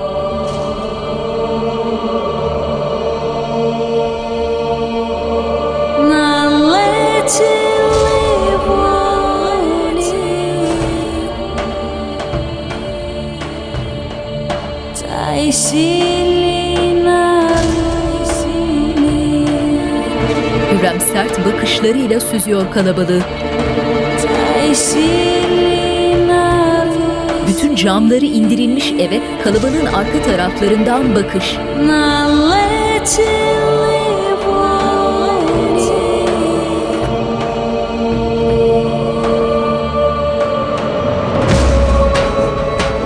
Hürrem hareketlenip alçak merdivenlerden indi ve kalabalığın arasına girip ağır ağır ilerlemeye başladı. İnsanlar ellerindeki sopaları indirmiş, buz kesmiş bir halde Hürrem'e bakıyorlar.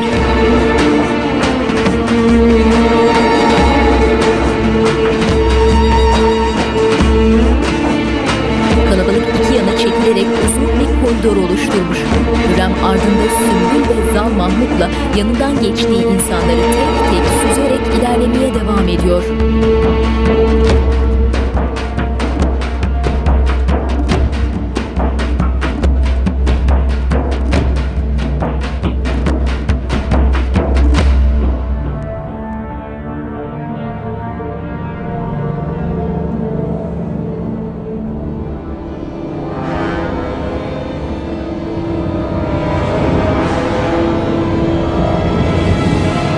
Fatma'nın adamlarından biri kalabalığın arasında önde duruyor. Adam Hürrem'in önüne geldiği anda elindeki taşı öfkeyle kaldırıp Hürrem'e atacak oldu. Bir anda sırtına saplanan hançerle acı içinde yere yığıldı. Hançeri kalabalığın gerisinde duran Süleyman'ın muhafızlarından biri atmış. Elini yavaşça indiriyor. Hürrem atıyla karşısında duran Süleyman'a afallamış halde baka kaldı.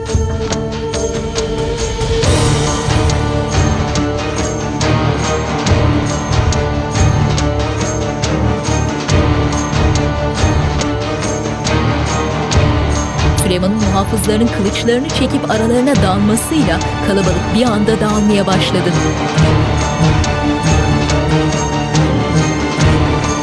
Kargaşanın arasında kalan Hürrem ardında Sümbül'le arabasına yöneldi. Arabaya binmeden dönüp Süleyman'a baktı.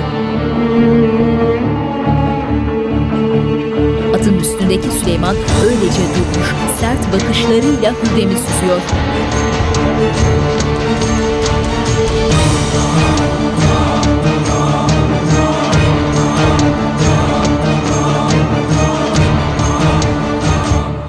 Hürrem sarsılmış ifadesiyle arabasına bindi. Sultanım ne yaptınız böyle? Siz ne yaptınız? Hürrem paralize olmuş halde Sümbül'e bakıyor. Akşam vakti kuş bakışı Topkapı Sarayı. Melek taşlıkta bekleyen Fatma'nın yanına geldi. Hala bir haber yok mu? Maalesef yok. Bekleyeceğiz sultanım. İnşallah hayırlı haberler gelecek. Destur! Haseki Hürrem Sultan Hazretleri. Hürrem üzerinde feracesi ardında Sümbül'le taşlığın kapısında belirdi ve hızlı adımlarla ilerleyerek Fatma'ya başıyla selam verip duraklamadan geçip gitti.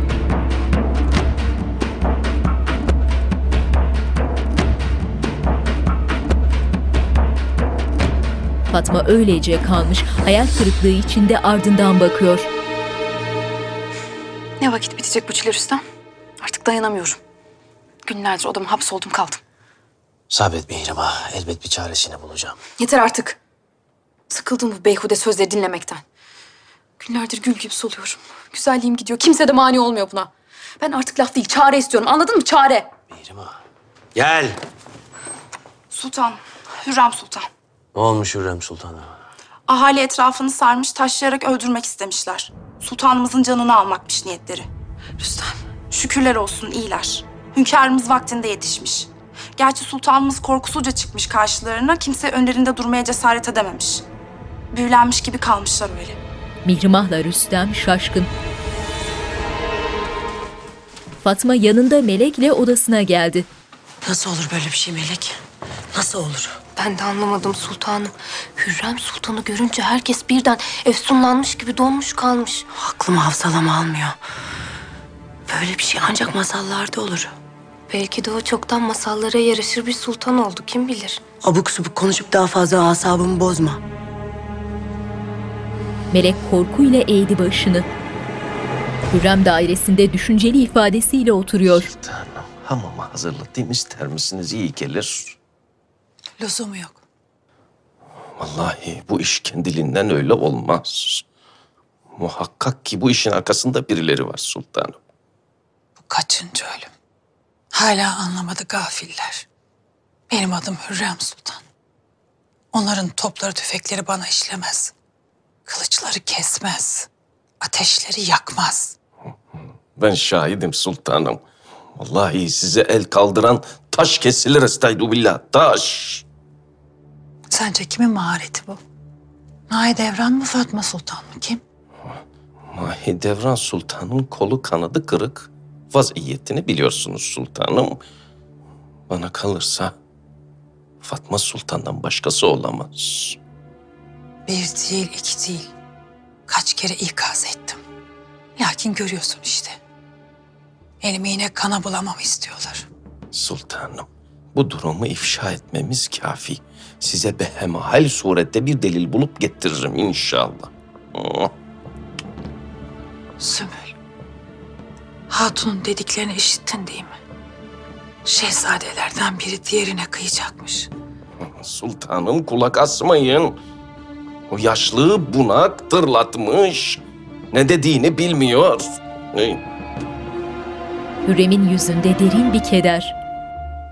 Ferhat elinde gümüş bir bardakla koridorda ilerleyerek has odaya yöneldi. Süleyman'ın tahtında açık halde duran Mustafa'nın mektubu, mektubun üstünde oval kesilmiş safir taşlı yüzüğü. Süleyman üzerinde siyah kadife kaftanı, kederli ifadesiyle başı önde öylece oturuyor. Ferhat elinde tepsiyle ağlarını açtığı kapıdan girip endişeli bakışlarıyla tahta yöneldi ve mektupla yüzüğe şöyle bir bakıp kaygılı ifadesiyle Süleyman'ı uzun uzun süzdü. Hünkârım, uyumanıza yardımcı olur. Getirdiği içeceği Süleyman'ın yanına bıraktı. Süleyman başını çevirip düşünceli ifadesiyle Ferhat'ı şöyle bir süzdü, ardından bardağı eline aldı. Sence bu mümkün mü Ferhat? Bu kubbenin altında serin bir uyku var mı? Huzur var mı? O kubbe ki hünkârım, Mikail'in ellerinden Allah'ın oklarını yağdırır. Kimine bahar düşer, kimine kış. Siz de kendi kubbenizin altında nice oklar yağdırdınız. Nice hükümler verdiniz.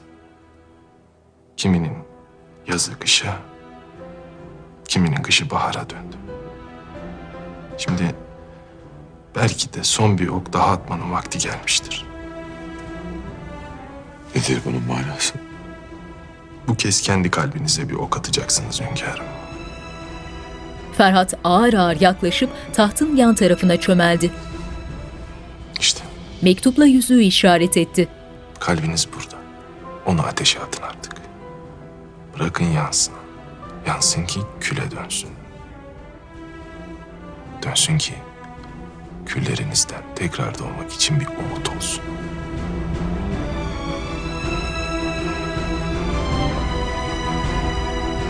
Ferhat ağır ağır doğrulup geri çekildi.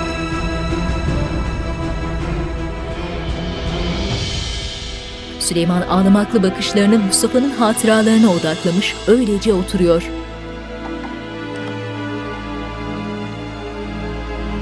Süleyman gözlerinden yaşlar süzülerek defalarca katlanmaktan yıpranmış mektubu tutup yaklaştırdı ve okumaya koyuldu.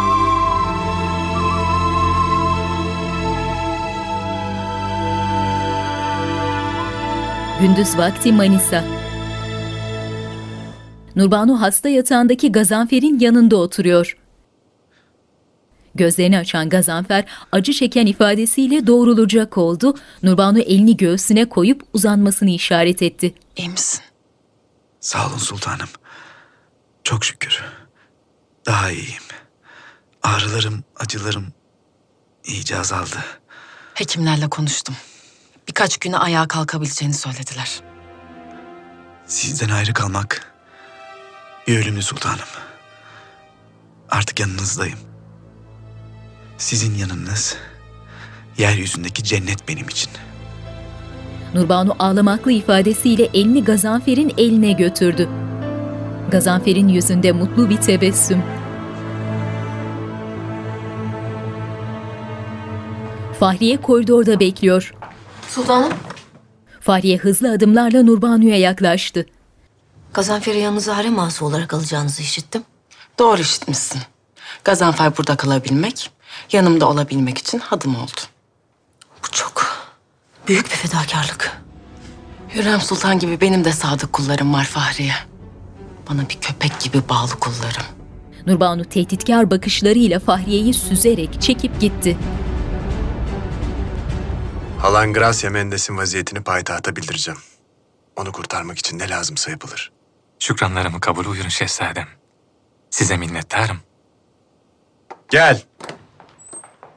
Nurbanu gülümseyerek girip diz kırarak selam verdi. Sultanım, Nurbanu başıyla selamını aldı. şehzadem.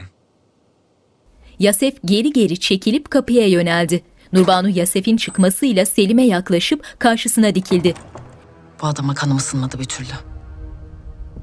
Kütahya'dan bir haber var. Selim Nurbanu'nun keyifle gülümseyerek uzattığı mektubu alıp heyecanla açtı. Nurbanu Sultanım. Her şey arzu ettiğiniz gibi gidiyor. Şehzade Bayezid ile halvet oldum. Zamanla kalbine de gireceğimi ümit ediyorum. İşe yarar mı bilmem. Ama Şehzade Bayezid'in Yahudi bir kadından borç aldığını işittim. Bu borcu ödeyebilmek için Mihrimah Sultan'dan yardım istedi. Şehzadenin sultana yazdığı mektubu gözlerimle gördüm. Şimdilik bu kadar. Emirlerinizi bekliyorum. Bak şu işe. Kardeşim yerine neler peşinde. Mihrimah Sultan. Şehzadeye yardım eder değil mi? Hiç şüphen olmasın Nurbanu. Mihrimah daha evvel de Bayezid'i böyle sıkıntılı vaziyetlerden çekip çıkarmıştı. Bu sefer öyle olmayacak. Biz buna mani olacağız. Divan. Şehzade Mustafa'nın intikamını alma bahanesiyle Hürrem Sultan'a karşı halkı galyana getirenlerin icabına bakıldı hünkârım. Hadsizliklerinin bedelini canlarıyla ödediler. Hadiselerin başlangıç yerinin kahvehaneler olduğu öğrenildi. Öyle maalesef kahvehaneler fitne ve fesat yuvası halindeler. Süleyman'ın elinde bir mektup. Ebu Suud Efendi, ehli heva kahvehanelerde toplanıp oyunlar oynayıp sarhoşluk verici şurup ve ardından kahve içip boş ve faydasız konuşmaktadır. Bu sarhoş insanlar namazlarını da ihmal ettiklerinden kahvehaneler kapatılmalıdır. Fözeka içiciye olan kahve içilmemelidir diye fetva vermiş. Bundan böyle sarayım dahil hiçbir yerde kahve içilmeyecek. Emri ferman yüce padişahımızdır. Hep birlikte saygıyla eğildiler. Kahvehanelerin akıbeti ne olacak hünkârım? Yıkın hepsini. Bundan böyle kulların fitne ve fesat çıkarmak için bu şer yuvalarında toplanmasınlar. Daha kahve içemeyeceğiz. Müftü efendiden gelen fetva üzerine hünkârımız yasaklamış. Sultanım. Şu taşlama hadisesini düşünüyorum da hala aklım almıyor. Neden çıktınız konaktan? Ben zaten ölmüştüm ki. O konakta işittiklerim canımı ruhumu almıştı. Ne işittiniz ki? Hürrem bakışlarını pür telaş terasa gelen Sümbül'e yöneltti. Sultanım, Söyle Sümbül. sultanım tahmin ettiğimiz gibi saldırının arkasında Fatma Sultan var. Emin misin bundan Sümbül Ağa? Bu ağır bir itham. Eminim İnşallah bir delilim vardır. var. Kütahya. Lala Mustafa neler olup bittiğini yazmış. Lakin ciddi bir şey yok. Anlaşılan Selim uslu duruyor. Ya Sefnasi neden gelmiş peki? Henüz sebebini öğrenememiş. Lakin o da keyfine düşkün biri. Belli ki zevk zefaya dalmışlar. Seslerle duraklayıp bakışlarını atıyla dört nala yaklaşan Hüseyin'e yönelttiler. Hüseyin Çavuş. Hüseyin tedirgin bakışlarıyla atından inip Bayazıt'a yöneldi. Şehzadem. Payitahttan Rüstem Paşa'nın emriyle size gönderilen altınları taşıyan kafile saldırıya uğramış. Atmacı derhal hazırlanın. Peşlerine düşeceğiz. Emredersiniz. Nerede saldırmışlar? Kim saldırmış? Hüseyin Çavuş. Hızlı adımlarla biraz geride duran atlarına yöneldiler. Bayazıt öfke dolu bakışlarıyla atına bindi. Bayezid ve adamları kuru yapraklarla kaplı geniş yolda dört nala ilerleyerek gözden kayboldular. Hürrem meleğin oturmuş korkuyla beklediği odaya hışımla daldı. Demek her şeyi Fatma Sultan ayarladı. Beni öldürmek istiyor. Sen de ona yardım ettin öyle mi? Sultanım, yemin ederim benim bir suçum günahım yok. Fatma Sultan mı yaptı? O mu verdi emri? Melek perişan halde çaresiz, başıyla onayladı. Sümbül. Al şunu. Hürrem'le Gülfem hızlı adımlarla kapıya yöneldiler. Sümbül ise korkudan titreyen meleği kolundan tutup götürdü. Süleyman tahtında oturmuş tesbih çekiyor. Gel. Gelen Ferhat ellerini önünde bağlamış, yaklaşıp başı önünde durdu. Hünkârım, Hürrem Sultanımız geldiler. Gelsin.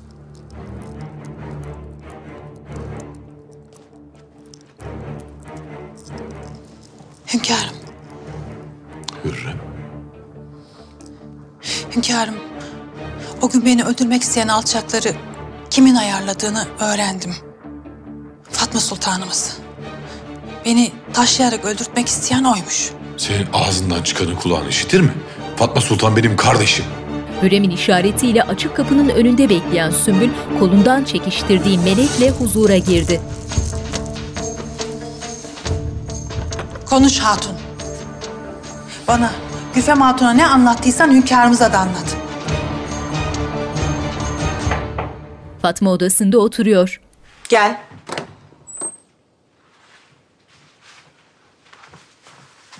Sultanım.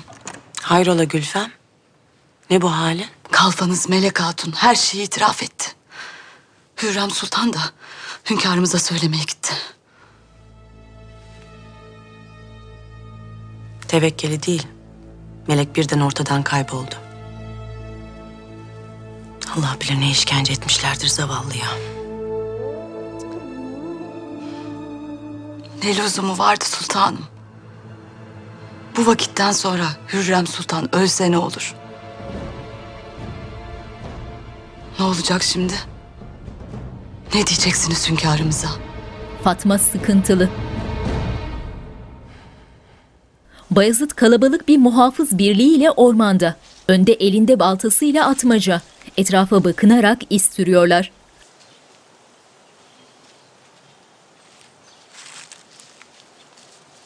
Atmaca yol kenarına yöneldi, çamurdaki izleri eliyle kontrol edip ayaklandı ve arkasındakilerle işaretleşerek yamaca yöneldi.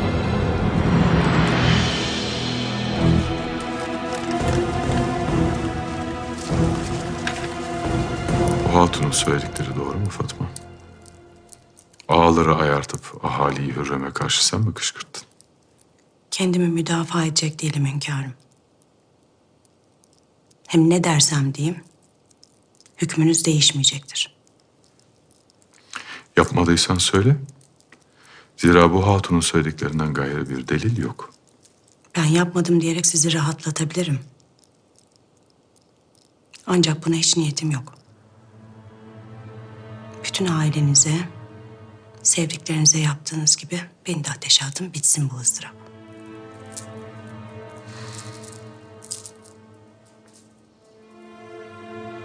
Bizi yalnız bırak.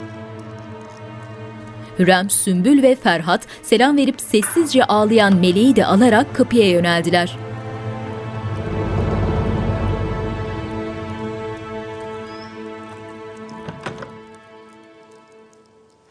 Bugüne kadar hiç kimseyi suçsuz olduğu halde ateşe atmadım. Bu hadise de bunun ispatıdır Fatma. Hürrem bir iblis. Başına her ne geldiyse hepsini hak etti o. Bugüne dek yaşadığı bütün felaketler az bile. Onu cehennem kuyuları paklar ancak. Hürrem bir melek değil. Biliyorum. Hiç kimse değil. Lakin onda hiçbirinizde olmayan bir şey var. Sadakat. Mutlak sadakat. Hürrem bana bugüne kadar bir kez dahi olsun ihanet etmedi. Beni sırtımdan bıçaklamadı. Ben bu tahtta otururken benim yerimde bir başkasını hayal etmedi. Demek bütün bu kıyımların sebebi bu. İbrahim, Hatice, Mustafa, Cihangir. Rahmetli babam Sultan Selim Han'ın nasıl öldüğünü hatırlıyorum da. Son nefesini bir türlü verememiş. Rabbim acılar içinde kıvrandırmadan almamış canını. Anlaşılan o ki sizin de akıbetiniz bu. Fatma sus. Bu kadar kafi. Sus. Susmazsam ne olur? Ne yaparsınız? İdam mı? Hiç durmayın. Mustafa'ya kıydınız. Bana mı acıyacaksınız? Çık dışarı. Sana bir fenalık yapmadan defol. Seni bu sarayda görmek istemiyorum. Sesini dahi duymak istemiyorum. Yıkıl karşımdan! Keder ve ölüm kokan bu kubbenin altında çok bile kaldım zaten.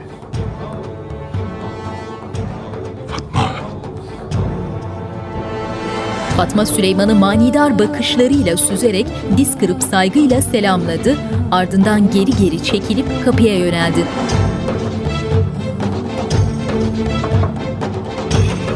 Süleyman gözleri hiddetle açılmış bir halde tahtında durmuş, kardeşinin ardından bakıyor.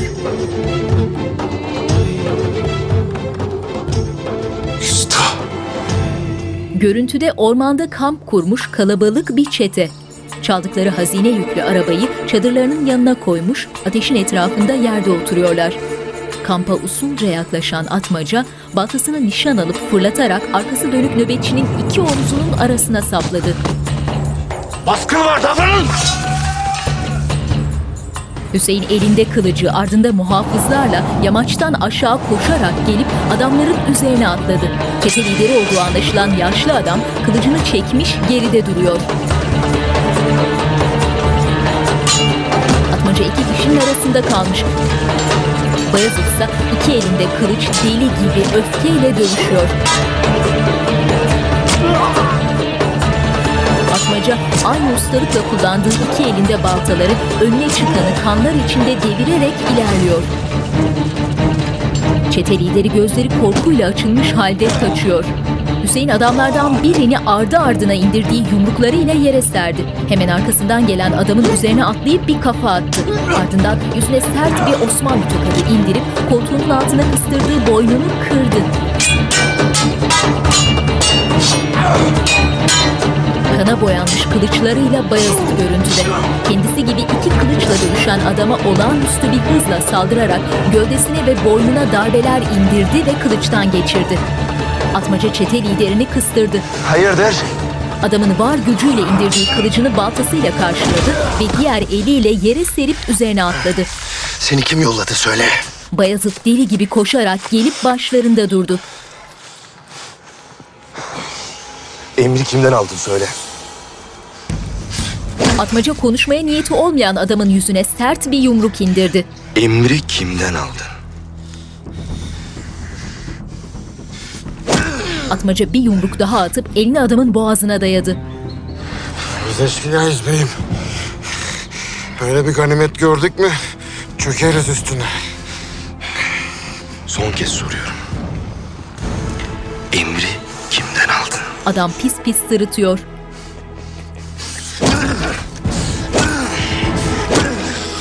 Dur!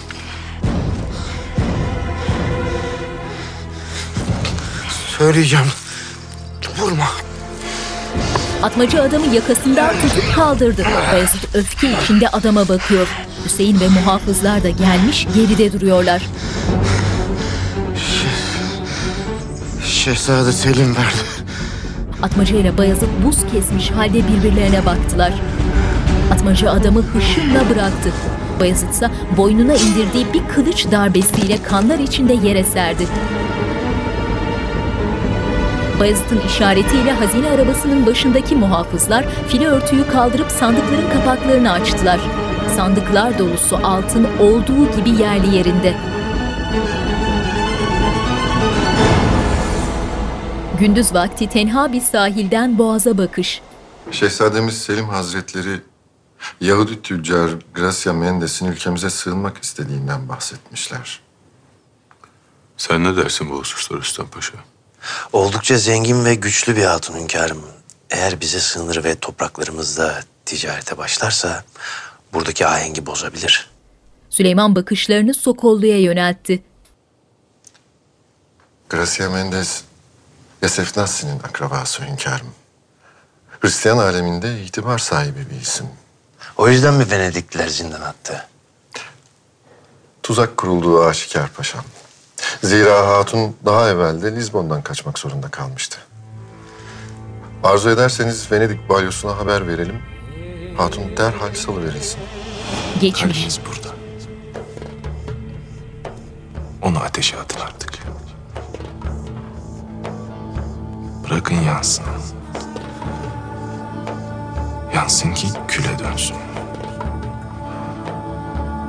Dönsün ki küllerinizden tekrar doğmak için Şimdiki an Süleyman dalıp gitmiş. Hünkârım. Hünkârım, iyi misiniz? Benim ahı sıhhati nasıl? Ne yazık ki değişen bir şey yok hünkârım. Hekimin Pedro muayene etseydi belki bir çare bulurdu. Lakin paşamız razı gelmediler bir türlü. Ne demek bu Rüstem? Bana onun da muayene ettiğini söylemiştin. Pedro geldi hünkârım. Kendisinden de hekim hatunlarının sultanımız hakkındaki vaziyetini dinlemelerini ve ona göre bir teşhis koymalarını istedim. Lakin buna yanaşmadı. Mevzu bahis Mihrimah'ın sıhhati. Sen nasıl böyle şeyler düşünürsün? Evet paşa. Hekimine söyle gelsin muayene etsin kızımı. Emredersiniz. Sokollu saygıyla selamladı. Rüstem ise sıkıntılı ifadesiyle öylece duruyor. Süleyman elindeki mektubu dürüp ayaklandı. Gracia Mendes hususunda bir şey söylemediniz hünkârım. Madem bize sığınmak istemiş kapımız açıktır. Süleyman ellerini arkasında bağlamış, ardında silahtarlarıyla divandan çıktı. Ferhat kapıda. Ferhat ağa. Hazırlığını yap gidiyoruz. Ferhat şaşkın ifadesiyle boyun kırıp Süleyman'ın peşinden gitti. Hasbahçe. Fatma ardında iki cariye, üzerinde kol ağızları geniş, kürk yakalı, yerlere kadar mor bir pelerin, başında değerli taşlarla bezeli bordo kadife hotozuyla ağır ağır ilerleyerek hazır bekleyen Gülfem'e yöneldi ve gülümseyerek kucakladı.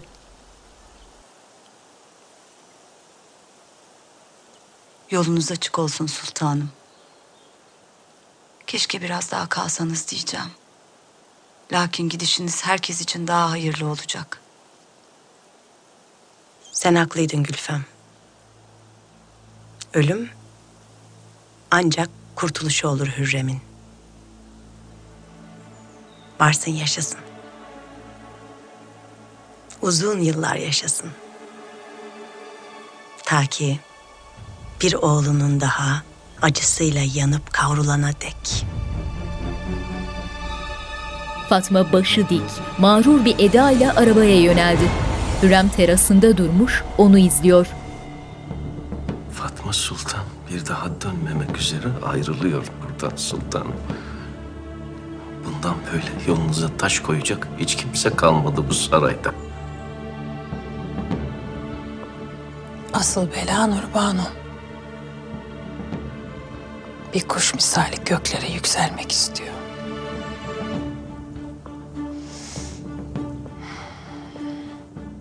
Kanadını kırmak lazım. Hürrem keyifsiz halde içeri yöneldi.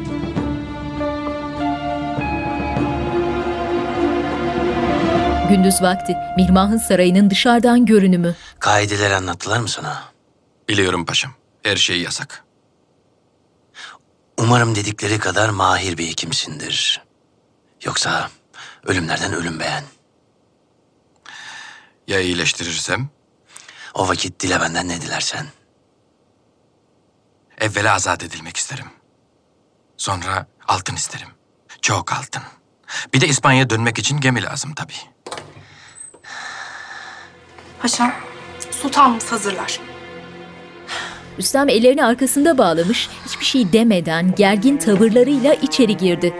Kapıda kalan Pedro, Sokollu'yu selamlayarak hızlı adımlarla peşinden gitti.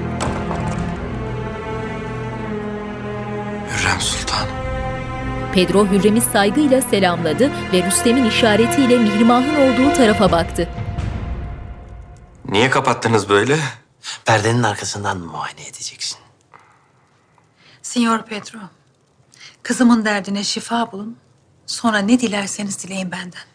Sultanım. Evvela azat edilmek isterim. Sonra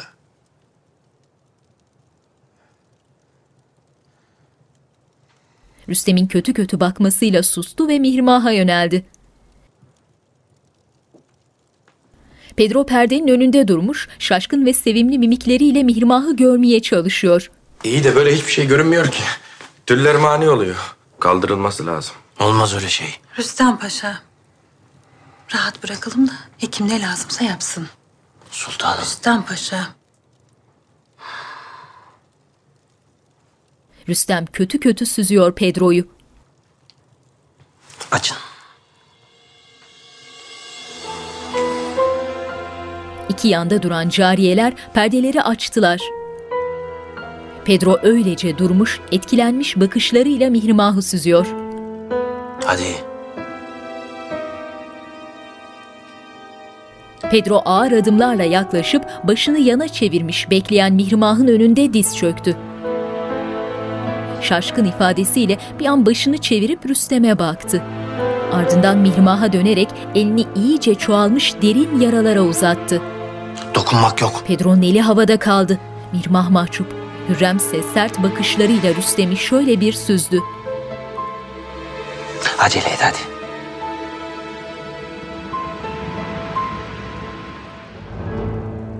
Acıyor mu sultanım?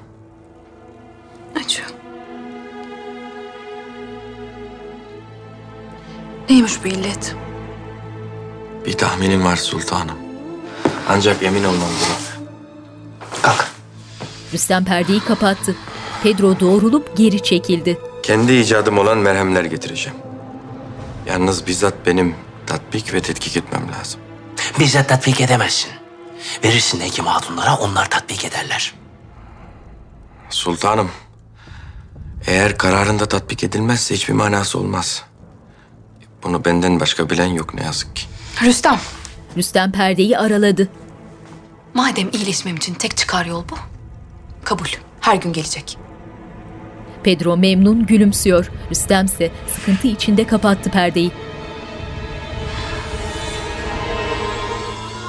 Bayezid elindeki dürülmüş mektubu altın sandığındaki çete başının kellesinin yanına attı. Yıllarca aynı kandan, aynı candan olduk diye seni kardeş bildim.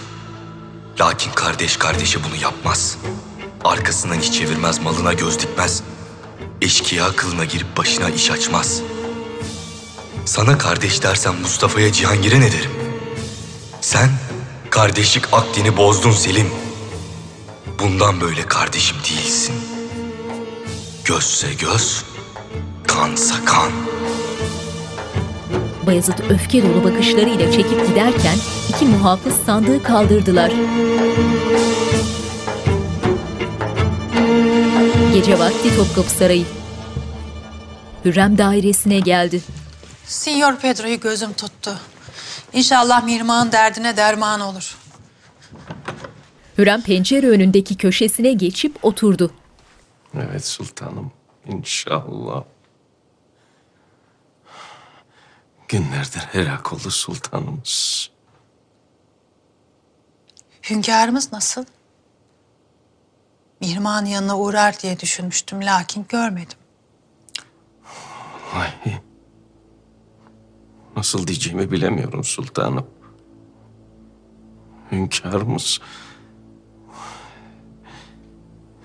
Siz Mihrimah Sultanımızın sarayındayken Edirne'ye gittiler.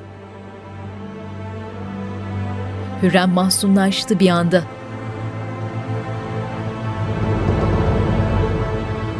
Gündüz vakti Edirne.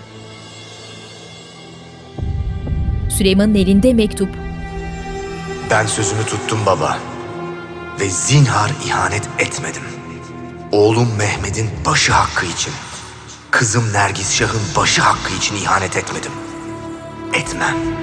Süleyman başını mektuptan kaldırmasıyla çocuk Mustafa'yı karşısında buldu. Mustafa her zamanki gibi gülümsüyor babasına.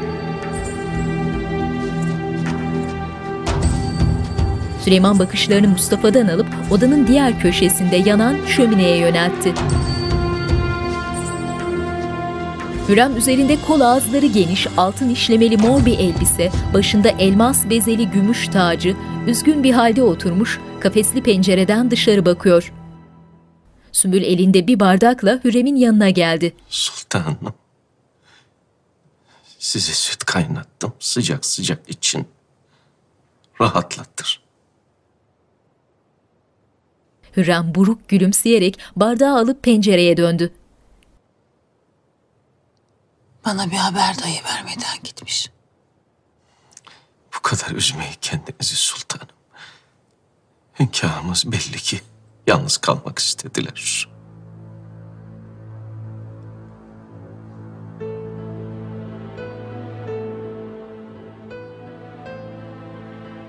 Ölümle burun buruna geldiğim vakit.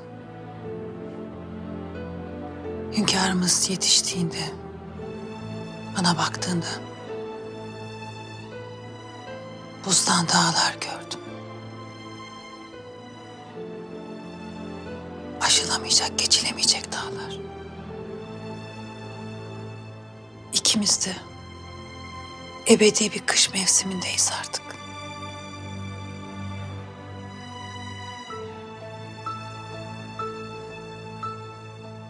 Ne güzel demiş Rumi Hazretleri. Ey yiğit, kadere bahane bulma. Yükleme kendi suçunu başkasına. Suçunu gör. Dönüp de etrafında kendinin. Kendindendir. Gölgenden değil çektiklerin. Ne yaptın da sana dönüşünü görmedin? Ne ektin de ektiğini biçmedin? Yaptıkların ruhundan ve vücudundan doğar. Çocuğun gibi sonra gelip tutar eteğinden.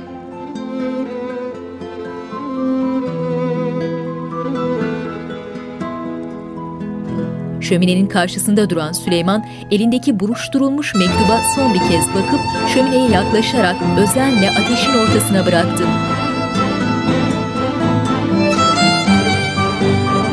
Mektubun alev alıp yanışı görüntüde.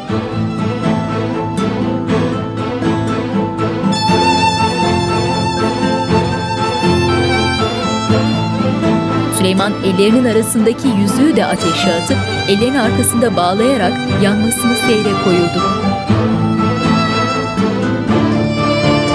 Alevlerin ortasındaki yüzük ağır ağır erimeye koyuldu.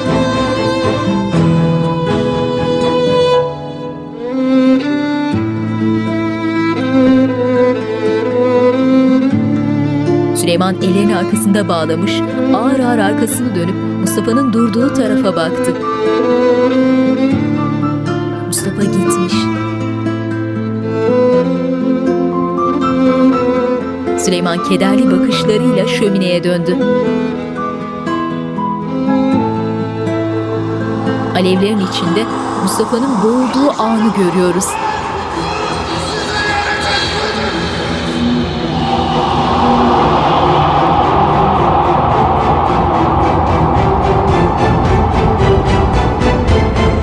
Görüntü öylece durmuş ateşe bakan Süleyman'ın yüzünde dondu. Yönetmenler Mert Baykal, Yağız Alpakaydın, yapımcı Timur Savcı. Bu dizideki olay ve karakterler tarihten ilham alınarak kurgulanmıştır.